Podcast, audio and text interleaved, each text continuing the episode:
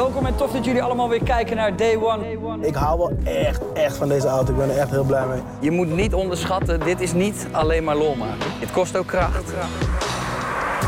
Ik heb hem nog nooit zo hard op zijn staart getrapt, zo op mijn banden. Het was voor mij ook de eerste keer dat ik een- nou, zo'n persoonlijk liedje release. 28 kilo.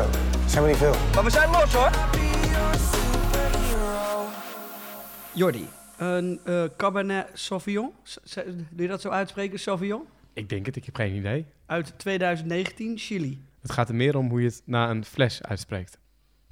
ik denk eh, dat ik er dan net zoveel moeite mee heb als nu. ik denk dat het niet, eh, Ja, ik denk dat het niet heel veel verschil maakt. Ik neem ook een keer een flesje rode wijn mee. Ja. Jij denkt, ik zei bij Jay normaal alles leeg. En nu... eh, ik, ben, eh, ik vind dat heel... Laten we even proosten. Want je, Ja, mijn glas is alleen alweer leeg. Dat, Dat, komt omdat jij er al eentje... Nee, we doen nooit met een leeg glas Oh proosten, god, ik, Jordi. er heel snel even- wel even bij. Dat is ook wel een leuk, leuk verhaal achter deze fles. Ehm, want ik kreeg vandaag in één keer een pakketje. eh, helemaal gevuld met, eh met paaseitjes, met kaasblokjes, met chips. eh, allemaal lekkere dingetjes en twee flessen wijn. Mhm. Van mijn moeder. Mm. Die wenste me een fijn Pasen eh, XXX je moeder, omdat je nu niet eh, bij ons kan zijn. Nou, dat is toch lief? En dat, is heel lief. dat is dit rode wijntje. Oh, en hij is lekker, zeg. Ja, hij is goed, hè? Ja. En dan ga je nog lachen als ik, als ik vertel waar die vandaan komt. Chili staat erop. Ja, ja dat ongetwijfeld. Maar Ja? eh, via de Jumbo. Kunnen we daar een piepje overheen leggen? We doen hier niet een gratis eh, reclame, joh. Oh, ze moeten nu eh, gaan betalen vanaf nu. Omdat we in de top 10 staan, moeten merken gaan betalen. Ja, we gaan, ja. ja, ik bedoel, ik wil niet op de, op de zaken vooruit lopen, maar we gaan Nee. lekker. Ja, het gaat, wel, het gaat wel goed, ja. Hey, zullen wij even, wat is Apple, eh, Apple, Apple podcast, ja. Apple, po- Apple podcast erbij pakken? Ja, laten we dat even doen. Want er zijn weer een hoop reacties ge- geplaatst. Waar we ook om gevraagd hebben. Hè? Want eh, nou ja, je kwam er niet echt onderuit om eh, geen vijf sterren achter te laten. Nee, maar we gaan nu kijken of er mensen ook echt geen vijf sterren hebben achtergelaten. Dit is zeg maar het rondje eh, comments voorlezen met alleen maar complimenten. Oftewel eigenlijk even een paar minuten veer in onze eigen reet steken. Wacht heel even. En voor iedereen die geen vijf sterren heeft gegeven, dus minder dan vijf sterren, er is een speciaal plekje in hel voor jullie. Nou, gelukkig is dat er op dit moment nog, nog niemand Niet? geweest. En nee, hier komt binnen van eh, Lars. Die stuurt een super gave podcast. Maken jullie, eh, zou ook graag Enzo Knol nog een keer willen zien met zijn ondernemersverhaal. ja, mooi. Die hebben we uitstaan. Ja, dus dat, eh, dat is, dat, dat- zo dachten wij er ook over. Ehm, ik ben niet zo'n loper, maar ik zet oprecht eh, jullie op tijdens het rennen. Ik vergeet gewoon de tijd en voordat ik het weet is de aflevering voorbij. Ben ik weer thuis. Echt top zo. Ga zo door. We genieten er allemaal van. Eh, dat zegt Loek, VDP. Eh, Max die zegt chill om te luisteren. Luister lekker weg man, dan gaan zo door. Dat zegt Bree. Dat Best- Max Verstappen dat gewoon zo. eh, ja, niet normaal. Hij reageert ook gewoon. Hè? Ja. Maar het is nog te vroeg om hem uit te nodigen, vind ik. Eh, ik vind Max, Max moet er nog niet tussen. Nee, ik bedoel, nee, nee, het is alleen echte supersterren. Ja. Eh, Pepijn die zegt, beste heren, deze podcast is keihard vooral lekker voor het slapen gaan. Pardon? Ja, nee, nee wow, pardon, nee, dit, ik krijg dit ook veel in mijn DM. Ik ben dus ook serieus om ook even andere podcasts eh, eh, veer in hun reet te steken. Er zijn een hoop podcasts. Bro, als je dat probeert uit te spreken met twee wijn, wordt dat toch een stukje moeilijker. Eh, er zijn dus een hoop podcasten, als je dat zo... Oké.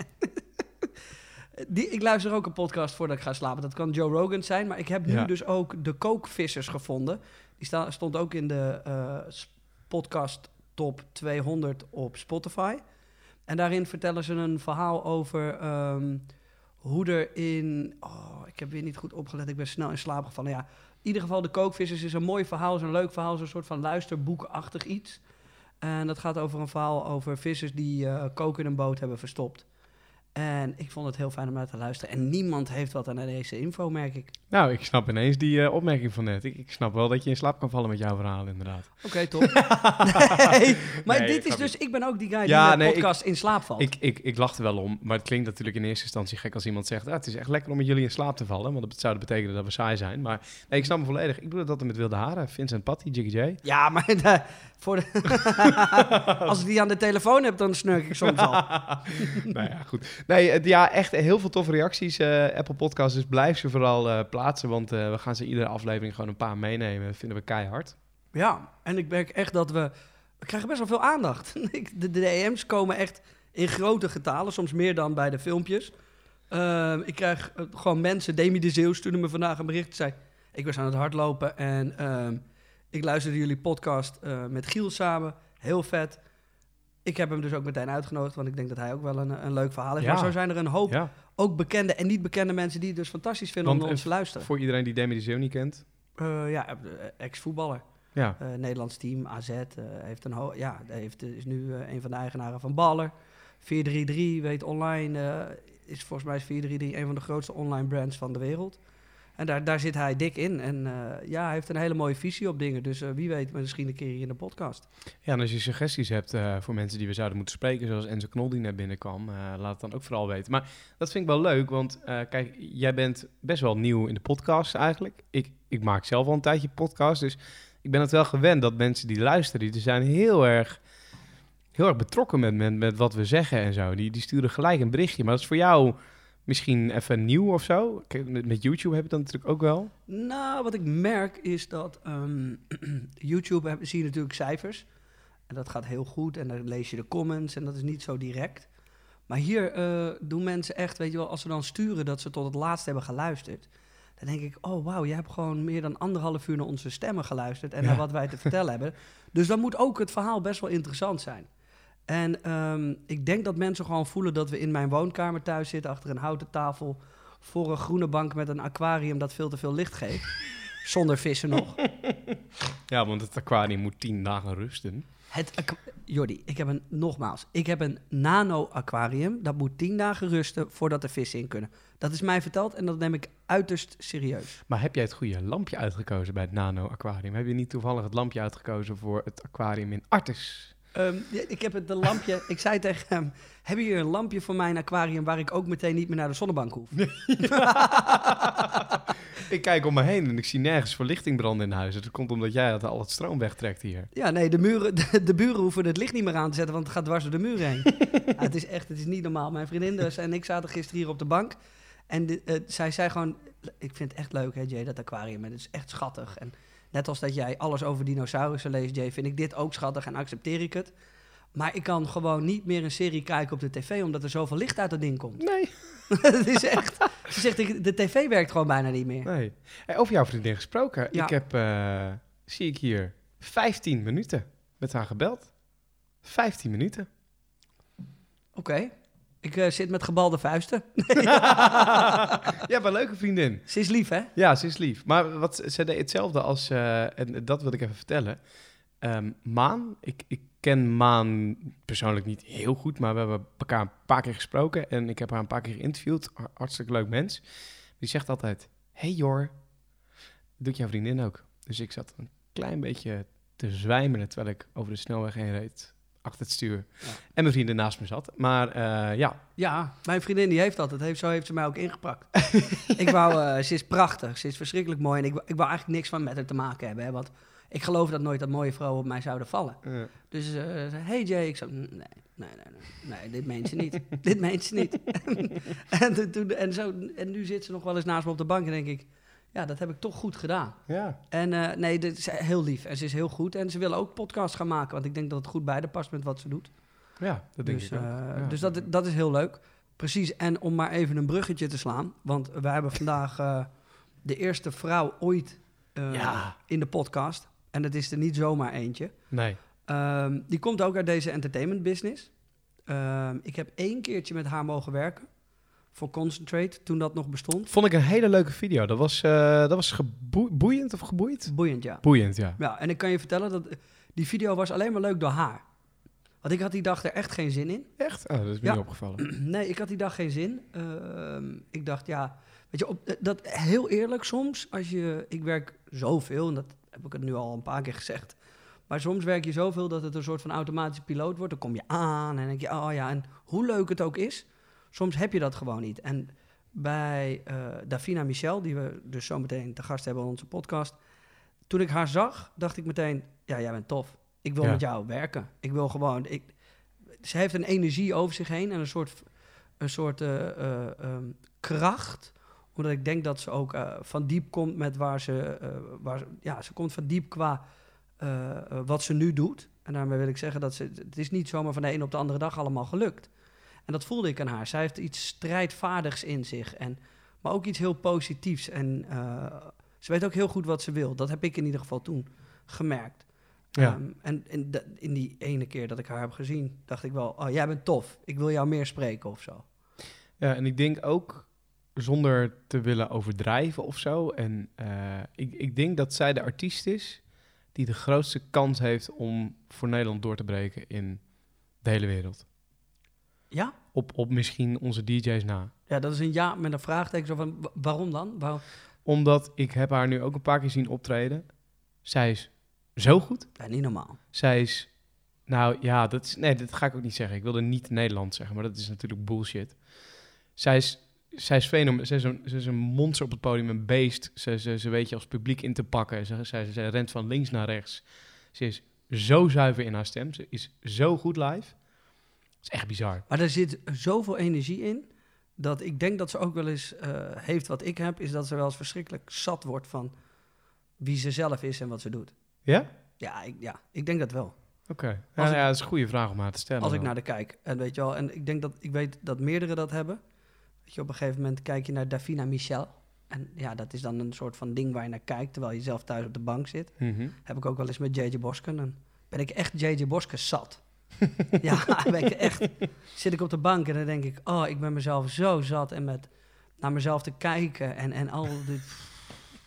dat ik snap dat ik wel eens denk dat mensen echt denken, oh, deze gast weer. Ja, ik- dat heb ik ook. Nee. nee ja. Elke keer als je binnenkomt hier, denk ik, oh, oh. fuck, oké. We staan in de top 10. Even doorzetten, Jay. Oh, Jordi. Ehm, Jordi, voordat we... Nou, we hebben haar in principe al even besproken. Ehm, wat heel onpersoonlijk klinkt. Ja, net zeggen, we hebben haar al even besproken. Becijferd.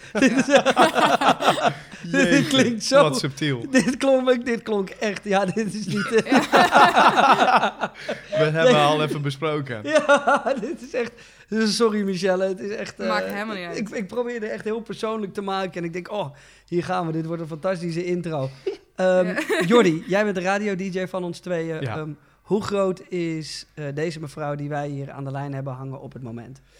Ja, knijtergroot op dit moment. Ja, het- moet ik, moet ik dat nog echt gaan uitleggen? Ik bedoel, eh, oké, laat ik het anders eh, introduceren. Ik vind haar op dit moment de beste artiest van Nederland. En we hebben ook Kraantje en Snelle gesproken. En dat zou dan misschien pijnlijk zijn voor hun dat ik dat nu zo zeg in dit gesprek. Maar dat vind ik oprecht. Ik vind haar op het podium knijtergoed. Ze zingt zuiver. Ze is live niet normaal. En er Ah, ligt volgens mij nog zo'n toekomstvaart tegemoet. Ja? Ja, dat denk, ja, kijk, en hoe, in hoeverre ik er verstand van heb, hè, jongens. Want ik kom ook nog maar net kijken, dus eh, wat weet ik er nou van? Maar eh, ja, ik ben fan, enorm. Oké, nou dat is, eh, dat, is, dat is een fantastische intro. Ja, nee, we hebben het er nu natuurlijk al even over gehad, Michelle. Welkom Ja. in de Day One podcast. Gezellig, je bent officieel Ja. de eerste vrouw. Ah, ja, nou, ik voel me vereerd. Leuk. Ja, en ik zei eh, eigenlijk tegen Jordi, hebben we het altijd over gasten. Oké, wie willen we eh, dan in de podcast hebben? En waar kunnen we goede gesprekken mee voeren?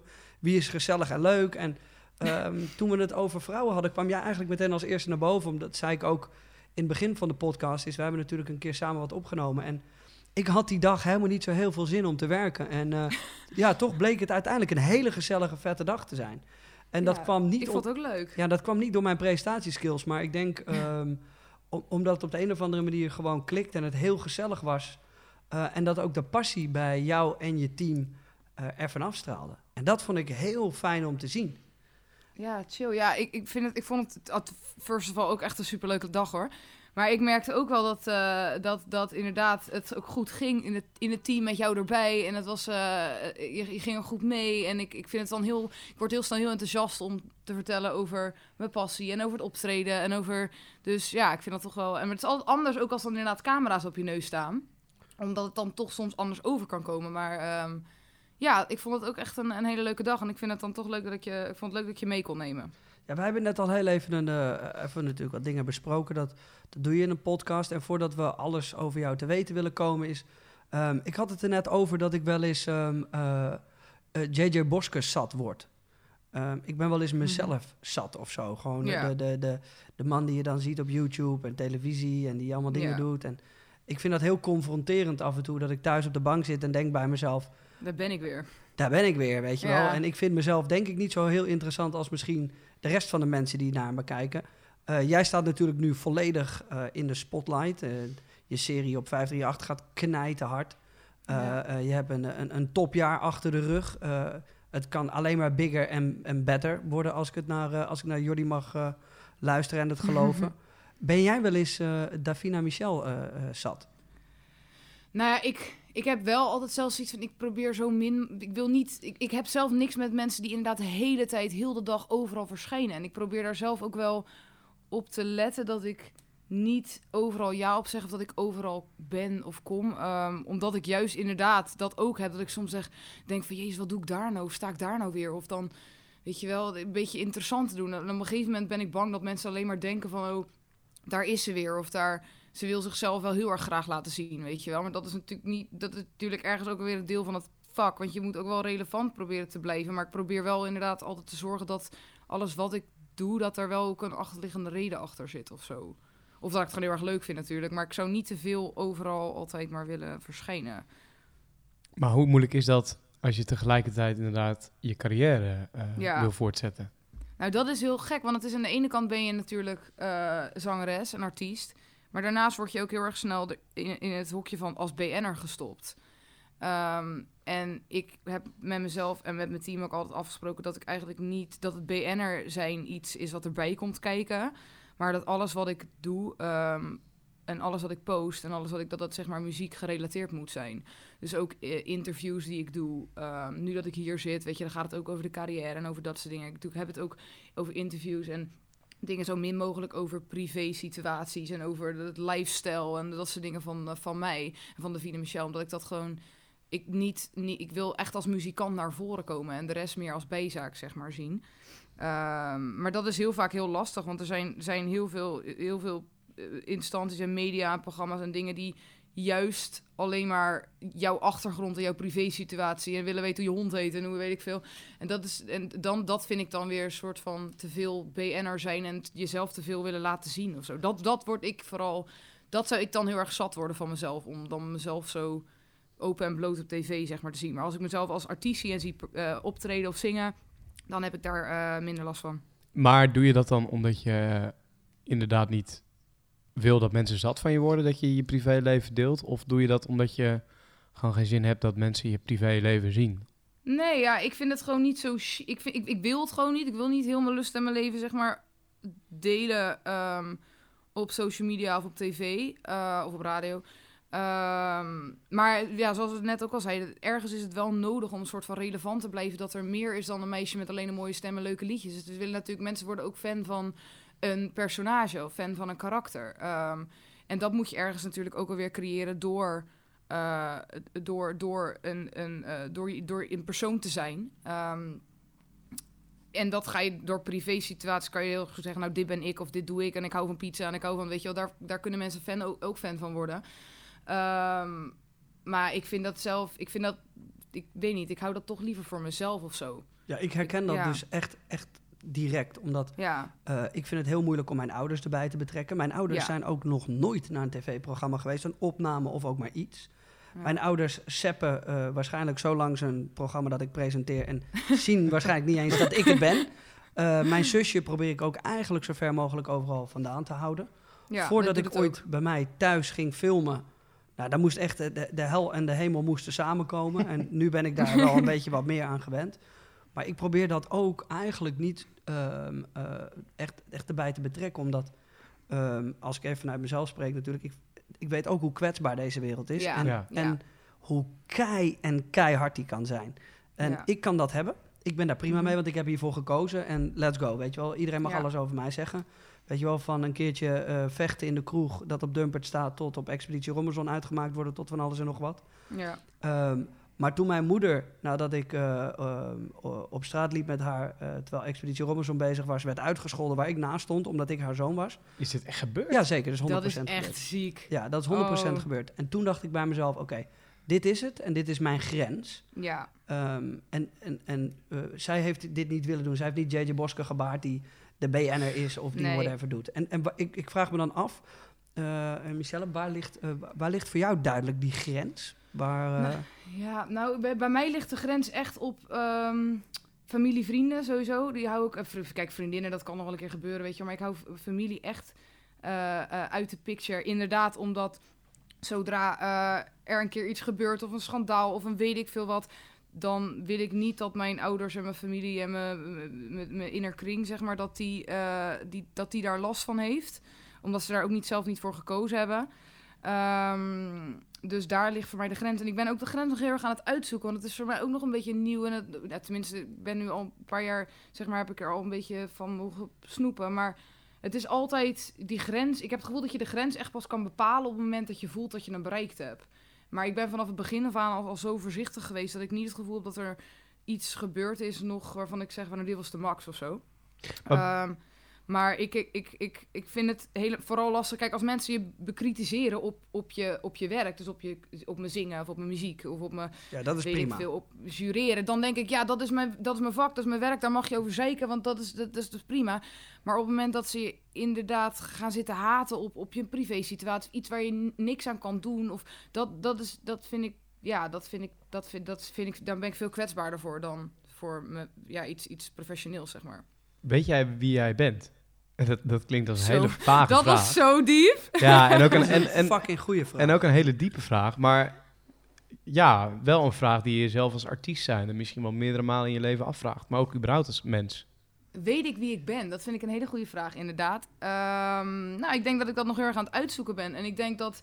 En dat het, is niet alleen omdat ik nu zeg maar eh, zoveel eh, eh, heb meegemaakt, maar ik denk dat elke 24-jarige die, tenminste elke begin twintiger die net Ja, uit man, de, de, tuurlijk. de puberteit komt en die een carrière stap moet gaan maken en die opeens als volwassene het leven, eh, leven ingegooid wordt, moet gaan uitzoeken wie die is en, en Wacht heel even. doet. Ben, Ja. jij, ben jij 24? Ja? Wat Hè? dacht je? Wat Niet dacht je waar.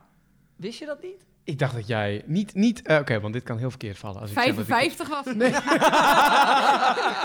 ik dacht dat jij nee. tering oud was. Nee, ja, nee, ik ben ook. Ik, ik, nee, maar ik ben namelijk zelf ook 24. Maar ik, ik had jou veel ouder. En dan heb ik het over, zeg maar, qua doen en laten hè, gesproken. Maar ik, Oh. ik had even niet eh, 24. Maar dat vind ik wel, dan vind ik het nog interessanter. Want dat, ik, ik zit in, inderdaad op mijn 24ste ook af te vragen wie ik nou eigenlijk ben. En, en wat ik nou eigenlijk doe. Dus ik heb dat, dat, heb, dat heb iedereen, denk ik, van mijn leeftijd. En daarom heb ik niet zoiets van, nou, dat is heel bijzonder of zo. Maar ja, dan kom ik natuurlijk ook nog in de situatie dat je een soort van... je- kijk, ik ben natuurlijk wel dat, je, dat ik als ik uitga, of als ik op straat loop, of als ik in de supermarkt ben, of weet ik veel, dat ik wel in mijn hoofd ook bezig ben met, oké, ik word natuurlijk dit. wel aangekeken en gevolgd en gecheckt. Heb je dat wel Dus- eens, dat je in de supermarkt staat en dat je gewoon echt lekker jezelf bent en dat je dan ineens naar iemand kijkt en dat die naar jou kijkt en dat je denkt, oh ja, fuck, ik ben Davina ja. Michel. Ja, nee, nee, dat heb ik niet zo snel. Nee, nee. Ik nee, heb die wel echt een paar ik keer gehad hoor. Nou, ik heb het nu ondertussen wel dat ik gewoon echt altijd op mijn hoede ben of zo. Ja, het klinkt echt super kut, maar dat ik gewoon altijd, Ja. ehm, altijd gewoon oplet. ehm, altijd gewoon oplet. Ja. En dat je echt, dat, dat is ook wel weer het jammer dat je zo, zo- soort van op een gegeven moment. En ik ben nog steeds wel zo iemand die lekker met de buurvrouw en de buurman en de cashier en een, een praatje maakt, hoor. Dat is het niet. Maar ja, je zal toch minder als je een keer ziet dat de kattenvoer op je zegt fuck, weet je wel. Zo was ik vroeger hardop en denk van ja, ik weet niet. Dat zou ik dan nu minder snel doen, omdat er dan misschien een, een kind achter me loopt die helemaal fan is van duurt te lang, weet je wel. Dus ik, ik ben, ja, ik let daar dan toch nu meer op. En daardoor denk ik, eh, ja, ik, ja, ja, dat Maar meer. toch heb ik wel het gevoel dat als ik jou zie, ehm, dat je wel altijd helemaal jezelf bent. Jawel, ik ben, ik ben wel mezelf, maar ik ben gewoon een gecensureerde versie van mezelf. dat is het meer. Ja. herken ik ook. Ja, ja. ja want dat- is... ja, dat, ja, want je probeert natuurlijk in, in het werk dat je doet, probeer je zoveel mogelijk jezelf te zijn. ja. Maar er is ook maar een zekere hoogte eh, waarin je jezelf kan zijn. Mijn vrienden, ik zeg altijd tegen mijn vrienden, eh, jongens, ik ben echt mezelf op tv. En dat ben ik ook voor mijn gevoel. Mm. Maar mijn vrienden kennen me veel dieper nog. En die zeggen, ja, ja, dat ben je wel. Maar daar zit echt nog veel meer achter, Jay. Ja. Ja, maar je bent ook wel jezelf. Maar je bent gewoon een, een beter... Een, een, een, alsof, je, alsof je tegen je schoonouders praat, weet je wel. Zo'n versie van jezelf Ja. ben je een beetje... Gewoon iets, eh, iets, iets, iets, eh, ja, i- nou, iets gecensureerder, zoals ik al zei. En ik denk dat... Want ik vind het heel belangrijk dat je altijd jezelf overal bent. Omdat je het anders gewoon niet volhoudt. Helemaal niet als je... je- Dan gaat op een gegeven moment ga je gewoon door de mand vallen als je je voordoet als iemand die je totaal niet bent. Je gaat altijd op je Ehm, bek als je dat doet. Altijd. Ja, dat is echt dat is het allerslechtste wat je kan doen. Ehm, maar je kan wel gewoon een soort van rekening houden met dat je niet. Ja, ik, ik, ik, ik, hou me, ik, ik hou me toch wel soms ook op momenten gewoon in dat ik denk, joh, als ik. Als je niks leuks te zeggen hebt, zeg dan niks, weet je wel. Dat is sowieso mijn, mijn, mijn, eh, mijn spreuk. Ehm, maar dat, dat, dat- ja dat, dat is een beetje hoe ik nu zeg maar buiten leef of zo. Eh, hebben jullie, en dan stel ik de vraag echt aan jullie beiden ook, hebben jullie vrienden die, eh, of waar, waarvan jullie zouden verwachten dat ze zouden zeggen, ah Jay, nou Michel, hè, je mag nu wel even normaal doen. Of je, je, je gaat nu even, nu ben je te veel eh, arrogant misschien, of, of ben je te veel veranderd of zo. Of, Nee. Nee, tenminste als ik eerst mag, dames gaan voor. Eh, nee, nee, nee, niet echt. Nee, ik heb mijn vriendinnen die hebben wel zoiets van, joh, laat je, laat je eens even lekker gaan, weet je wel. Huh? ja. Maar ze snappen het wel allemaal wat ervan afhangt. Ja, en ik denk dat het ook vrouwen anders zijn dan mannen. Ja, heb, jij, heb jij die wel, Jay? Mijn vrienden straffen me meteen. Ja? Ja, nee, dat is echt keihard. We hebben, ik denk dat iedereen zo'n eh, zo'n appgroep heeft met allemaal vrienden. En mijn rugbyvrienden van, ja, eigenlijk al, eh, al 20 jaar zitten erin. En dat zijn ook vanaf het begin mijn vrienden. En voor hun ben ik ook niet die JJ die op tv komt. Het is voor hun meer een bijkomstigheid. Ehm, en ik kan wel eens met mijn hoofd gaan zweven. En dan, ja, dan kunnen zij... En dat doen ze niet direct zeggen. Dus het is niet zo van... eh hey, je bent aan het zweven, man. Je bent arrogant, lul. Maar dat is gewoon... Dan voel, ik- dan voel, ik aan de manier waarop ze me behandelen... dat ik even chill de fuck out moet doen. Ja. Uh, Ja. en, en dat gaat heel organisch over de jaren heen. Ehm, maar ik, ik, een, kraantje, een kraantje of een busy kan me ook bellen. Uh, of uh, Thijs, waarmee ik samenwerk, mijn cameraman en editor, waar ik, die ik nu al vijf jaar ken. Die kunnen ook uh, wel heel direct zijn en zeggen: Jay, ik denk dat je even, uh, even wat chillen moet doen, man. Ja. Ja. En, en, ja, dat is bij mannen denk ik heel anders dan bij vrouwen. Ik denk uh, Ja. dat, dat vrouwen ook niet uh, op die manier zo heel snel gaan zweven. Terwijl wij mannen dat wel hebben, denk ik. Ja, dat weet ik niet. Ik denk dat dat gewoon aan de karakter ligt. Aan een persoon of zo. Ja, ik heb gewoon het karakter om af Jij en toe bent gewoon- gewoon te worden. nee, nee, maar ik zou dat niet, ik zou dat niet gelijk op, op het verschil tussen een vrouw of een man willen gooien. Maar ik denk dat dat wel een beetje in het beestje gewoon zit. Hey, maar, Dat bedoel ik echt niet tegen, tegen jou hoor, maar Nee, gewoon... nee, nee, eh, ja. Gewoon eerlijk, toch? Ja, ja, zeker. Hey, en, en als we dan terugkijken naar jouw uh, afgelopen ja, jaar, afgelopen carrière, zeg maar. Het ging ineens heel snel. ja. Het is Sta je natuurlijk daar wel al begonnen bij Idols, hè? Als ik dat goed heb, toch? Ja. Ja, ja, en dat is ook echt het, aller, het allereerste begin. De, deze, dat was 2016 of zo, denk ik.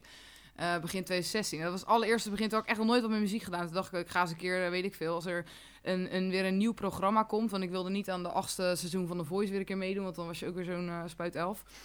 en toen kwam Idols na tien jaar terug. En toen dacht ik, nou, ik ga dat eens een keer proberen. Weet je wel, ik was gestopt met mijn opleiding. Ik denk, nou, ik heb niks te verliezen. En uh, nou, daar viel ik ook af heel snel, dus dat was fijn. dat uh, was gelijk uh, drama. Um, en toen had mijn productieteam, waar ik tot de dag van vandaag nog steeds mee werk... en die jij ook ontmoet hebt, Jay... die, die hadden mijn auditie gezien. Um, en die hadden een eigen self-made studio in Zwijndrecht. En die hadden toen gevraagd of ik een keertje langs wilde komen... om liedjes te schrijven en te kijken of het klikte. En nou, daar ben ik toen eigenlijk in mijn, in mijn oude tjoek tjoek koektrommel auto ben ik daarheen getuft. En uh, uh, dat klikte gelijk. En toen zijn we eigenlijk gelijk, uh, ben ik daar wekelijks langs gekomen om liedjes te maken en te doen. En toen zijn we het YouTube-kanaal begonnen. En toen is het eigenlijk allemaal een beetje start gegaan. Als jij daarop terugkijkt, um, heel veel mensen zullen zeggen... Zou die Davina Michel, die is tering hard gegaan? Dat is snel Ja. gegaan. Die is, er, die is er ineens. Voelt dat voor jou ook zo? Of voelt dat voor jou als een hele lange weg? Nee, nee, het voelt voor mij ook alsof het heel snel is gegaan. Als ik nu in mijn telefoon ook terugkijk naar foto's van een jaar geleden of naar foto's van twee jaar geleden, dan denk ik echt van, daar was ik gewoon nog heel, daar had ik nooit gedacht dat ik dit nu allemaal heb, had mogen doen. Eh. En dat ik deze ervaring nu al zo snel had opgebouwd. En we werkten eh, nu nog steeds, maar toen ook echt kei en keihard, maar ook echt met heel veel plezier. Ehm, en het was toen aan het begin ook nog, wisten we eigenlijk allemaal niet zo goed wat we aan het doen waren. En we deden maar gewoon wat, maar het werkte apparently. Ehm, en, en als ik daar nu ook naar terugkijk, dan denk ik wel van ja, er- ergens zat het er zeg maar altijd al in. Maar we, toen we eenmaal op het goede spoor waren eh, en het eenmaal snapten, want nu merk je ook dat, dat je op een gegeven moment als je succes hebt, dan krijg je, gaan er natuurlijk deuren open. Ja. En eh, het is een beetje. En die, die deuren, die, als je die, die, die, die staan open en die moet je, daar moet je gewoon doorheen. Want dat, ja, en daar leer je ook weer van. En, en ja, het is een beetje een, een, een zweverig verhaal. Maar ik merk wel dat juist door de mogelijkheden die we gekregen hebben, dat we daar weer de hele tijd meer door hebben geleerd. Waardoor we nu zo snel, zeg maar, zijn gekomen waar we zijn. Nou, dat klinkt niet zweverig, hoor. Dat klinkt Nee, ja, gewoon... het is, we hebben gewoon een, een enorme kruiwagen gehad en heel veel heel snel kunnen leren. Ehm, en daardoor, daardoor ben, ik, ben ik heel blij om te zeggen dat ik nu zeg maar mag staan waar ik nu sta. Ja, maar dat moet, ik denk ook dat dat moet. Hè? Want die, die kruiwagen die moet je snel vullen, want Ja. het, het, het gaat snel. En als jullie de kruiwagen hadden laten omvallen, dan was er niks gebeurd hoor. Nee, ja. Dus jullie ja. hebben ook heel goed de kruiwagen in balans weten te houden. Ja. ja, daar ben ik wel echt heel... En dat geef ik eigenlijk ook echt volle credits aan mijn team, hoor. Want die hebben echt ook zo hard gewerkt. En ehm, echt zo goed ook ingespeeld op situaties die kwamen. Of, of eh, ehm, ehm, eh, hoe zeg je dat? Eh, gelukmomenten die er kwamen. Of, of eh, kansen. Ehm, en en daar, dat had ik zelf niet gekund. Dus daar heb ik hun echt eh, eh, volle, volle credits aan hun, zeg maar. Maar voel- voelde Idols voor jou als een mislukking dan? Was dat, was dat een eerste tegenslag waar je gewoon heel veel van hebt geleerd? Nee, het was niet een mislukking. Want ik, had, ik verwachtte al van tevoren niet zo heel veel. Want ja, ik had nooit echt gezongen. En ik wist ook niet dat ik wist dat ik een beetje een stem had. Maar ik had niet zoiets van nou. Sterker nog, ik kwam daar echt in die eerste auditie. En ik zag echt allemaal van die super lange knap. En ik was toen nog een beetje zo. Een beetje. Een beetje een beetje zo mollig en een beetje, weet je wel. En ik dacht echt, wat doe ik hier? En er waren allemaal van die super lange, knappe vrouwen en mannen die zo helemaal cool ook eruit zagen. En ik dacht echt, oh, wat doe ik hier? Ik ben echt een rat, weet je wel. Dat heb ik nog elke En- dag hoor. dat ik denk, eh, wat doe ik hier tussen al deze knappe mensen? Dit hele kleine kale, kale jongetje. Nee, maar ik dacht juist echt van, oh, dit wordt echt een drama. En ik was echt super trots dat ik het tot de laatste twintig had geschopt. Maar mijn moeder, die dacht ook echt, nou, wat gebeurt er? Weet je wel, die had het ook echt nooit gedacht. Dus het was echt, het was echt een complete verrassing. En toen ik ook afviel, was ik eigenlijk alleen maar heel erg trots dat ik het zo ver, zeg maar, had geschopt. Ik zag het helemaal niet als afgang. Maar ik had in principe ook helemaal niks te verliezen. En ik had ook niks, dus ik dacht van, ja... Weet je, dus ik ga het gewoon proberen. Dus zo zag ik het helemaal niet. Ehm, ik zag het alleen maar als een hele leuke uitdaging. En, eh, en eh, uiteindelijk is daar gelukkig alleen maar veel meer uitgekomen. Ik snap hier geen reet van, hè? want we hebben het hier over 2016, zeg jij. Je, je Ja. hebt van jezelf niet eens door dat je überhaupt dus een goede stem had of, of echt goed kon zingen, nou, et cetera, dat zei je net. Ja. En dan zie ik jou op Eurosonic Noorderslag staan, begin dit jaar. Eh, Ja. Toen je nog kon optreden, toen, toen we allemaal nog konden genieten van concerten. ik wist niet wat ik zag. Je, je, je, bestormde van links naar rechts het podium. En dat was voor mij zeg maar het eerste Davina Michel optreden wat ik ooit zag. En, en ik was verkocht, weet je wel. Je je was een beest op het podium. Hoe Ja, kan dat dan? Ik ben altijd echt aan het ijsberen van links naar rechts. Ga ik zo Ja, maar fantastisch. Echt fantastisch. Maar, maar hoe kan dat? Hoe kun je dat in die... Heb je daar dan les in? Zijn er mensen die je dat uitleggen? Of is dat gewoon Nee. compleet... Maar wat doen? Nee. Ja, nou ja, ehm, eh, ja, dat vind ik altijd een moeilijke vraag. Ja, ik weet niet. Ik doe maar gewoon wat goed voelt. En ik heb het afgelopen zomer voor Eurosonic... Was, Eurosonic was het najaar, januari volgens mij of zo, toch? Ja, klopt. Dat is januari. Ja, zoiets. ja. Ik, afgelopen zomer, vorig jaar, had ik, heb ik 60 festivals gedaan. ja. En dat was ook mijn allereerste festivalseizoen. Dus, en het begon met Paaspop. Ik heb ook Pinkpop gedaan. Ik heb, weet ik veel, Constantie, Breda Live. Ik heb echt heel veel grote dingen gedaan. Maar het waren allemaal voor mij gewoon de allereerste keer dat ik festival deed. Dus ik, had, ik werd gelijk, zeg maar, gelijk in het diepe gegooid op grote podia. Met allemaal acts om mij heen. ehm, die het al jaren deden. En daar kijk je ook van af. En het, het, eh, omdat het niveau zo hoog ligt. eh, en daar trek, je trekt jezelf aan het niveau op, lijkt net.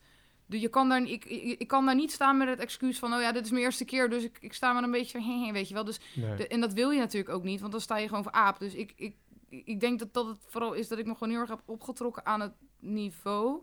Ehm, en ik reflecteer zelf heel veel. Dus ik kijk heel veel terug. En dan denk ik, oké, wat vind ik tof en wat vind ik niet tof. Ehm, ik, als ik nu echt shows van mezelf, van eerst, een van de eerste shows terugkijk, dan denk ik, nou, wat was ik aan het doen, weet je wel. Maar dan, ja, ik reflecteer ook gewoon heel veel. Dat is wel Ehm, sick hoor.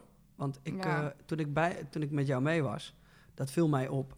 Eh, ik ben met ik ben best wel arti- wat artiesten mee geweest, omdat ja, ik heb ook dat, dat soort werk gedaan. Ik heb management Mhm. gedaan en eh, dan mag je dat af en toe achter de schermen kijken. En eh, eh, er gaan een hoop artiesten gaan op ehm, en die doen hun ding en die komen eraf.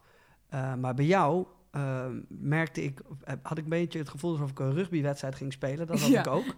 Eh, toen ik, voordat ik ging rugbyen, de, die focus, die scherpte. Oh, ja. En dit was volgens mij voor jou echt de, tweede of derde optreden van de dag. Ja. En, eh, maar je was gefocust, je was scherp, je was ready to rumble. eh, je liep Ja. rond, je was aan het ijsberen. eh, ik was ook echt even aan de kant. Terwijl ik wel eens, ja, even zo van, ik was aan het kijken en ik was het aan het observeren. En ik dacht, oh, wat vet dat ik hierbij mag zijn, dat ik dat mag zien. Maar ik voelde alsof jij echt dat toneel opging en het ging slopen. En ja, dat heb je Ja. ook gedaan. En toen kwam je er vanaf. Dan, dan ben je wel gesloopt. Ik ben echt klaar. Ik, ik, ik doe een normaal. Ik kan dat. Ik, jij zegt net van twee of drie, maar ik probeer eigenlijk altijd maar één, één show per dag te doen, omdat ik En soms op, hebben, we er, hebben we er meer. En dat is dan Koningsdag of Bevrijdingsdag. Of weet je wel, dat er heel veel dingen zijn. Maar ik ga daar van tevoren, zeg maar.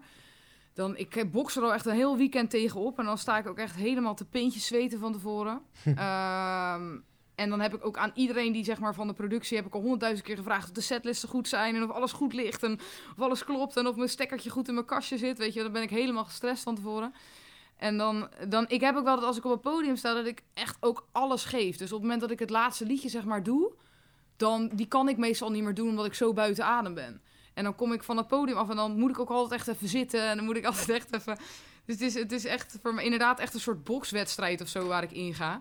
Ehm, maar ik wil, ik wil ook wel dat zeg maar, de mensen in het publiek. En dat is waarom ik vooral eigen shows zo super vet vind. Op festivals is natuurlijk iets gemengder publiek. Mensen die niet eens per se voor jou komen. Maar eh, daarom vooral met eigen shows wil ik gewoon dat als mensen zeg maar naar mij toegekomen zijn en helemaal door het land hebben gerezen, kaartje hebben gekocht, parkeergarage, helemaal staan naar uitgekeken hebben, staan te wachten, dat, dat ik dan ook alles zeg maar heb gegeven dat ik in zo'n show kan geven. Tot op de laatste cel energie die ik in me heb, eh, wil ik in die shows gestopt hebben. Ehm, en dat wil ik ook laten zien.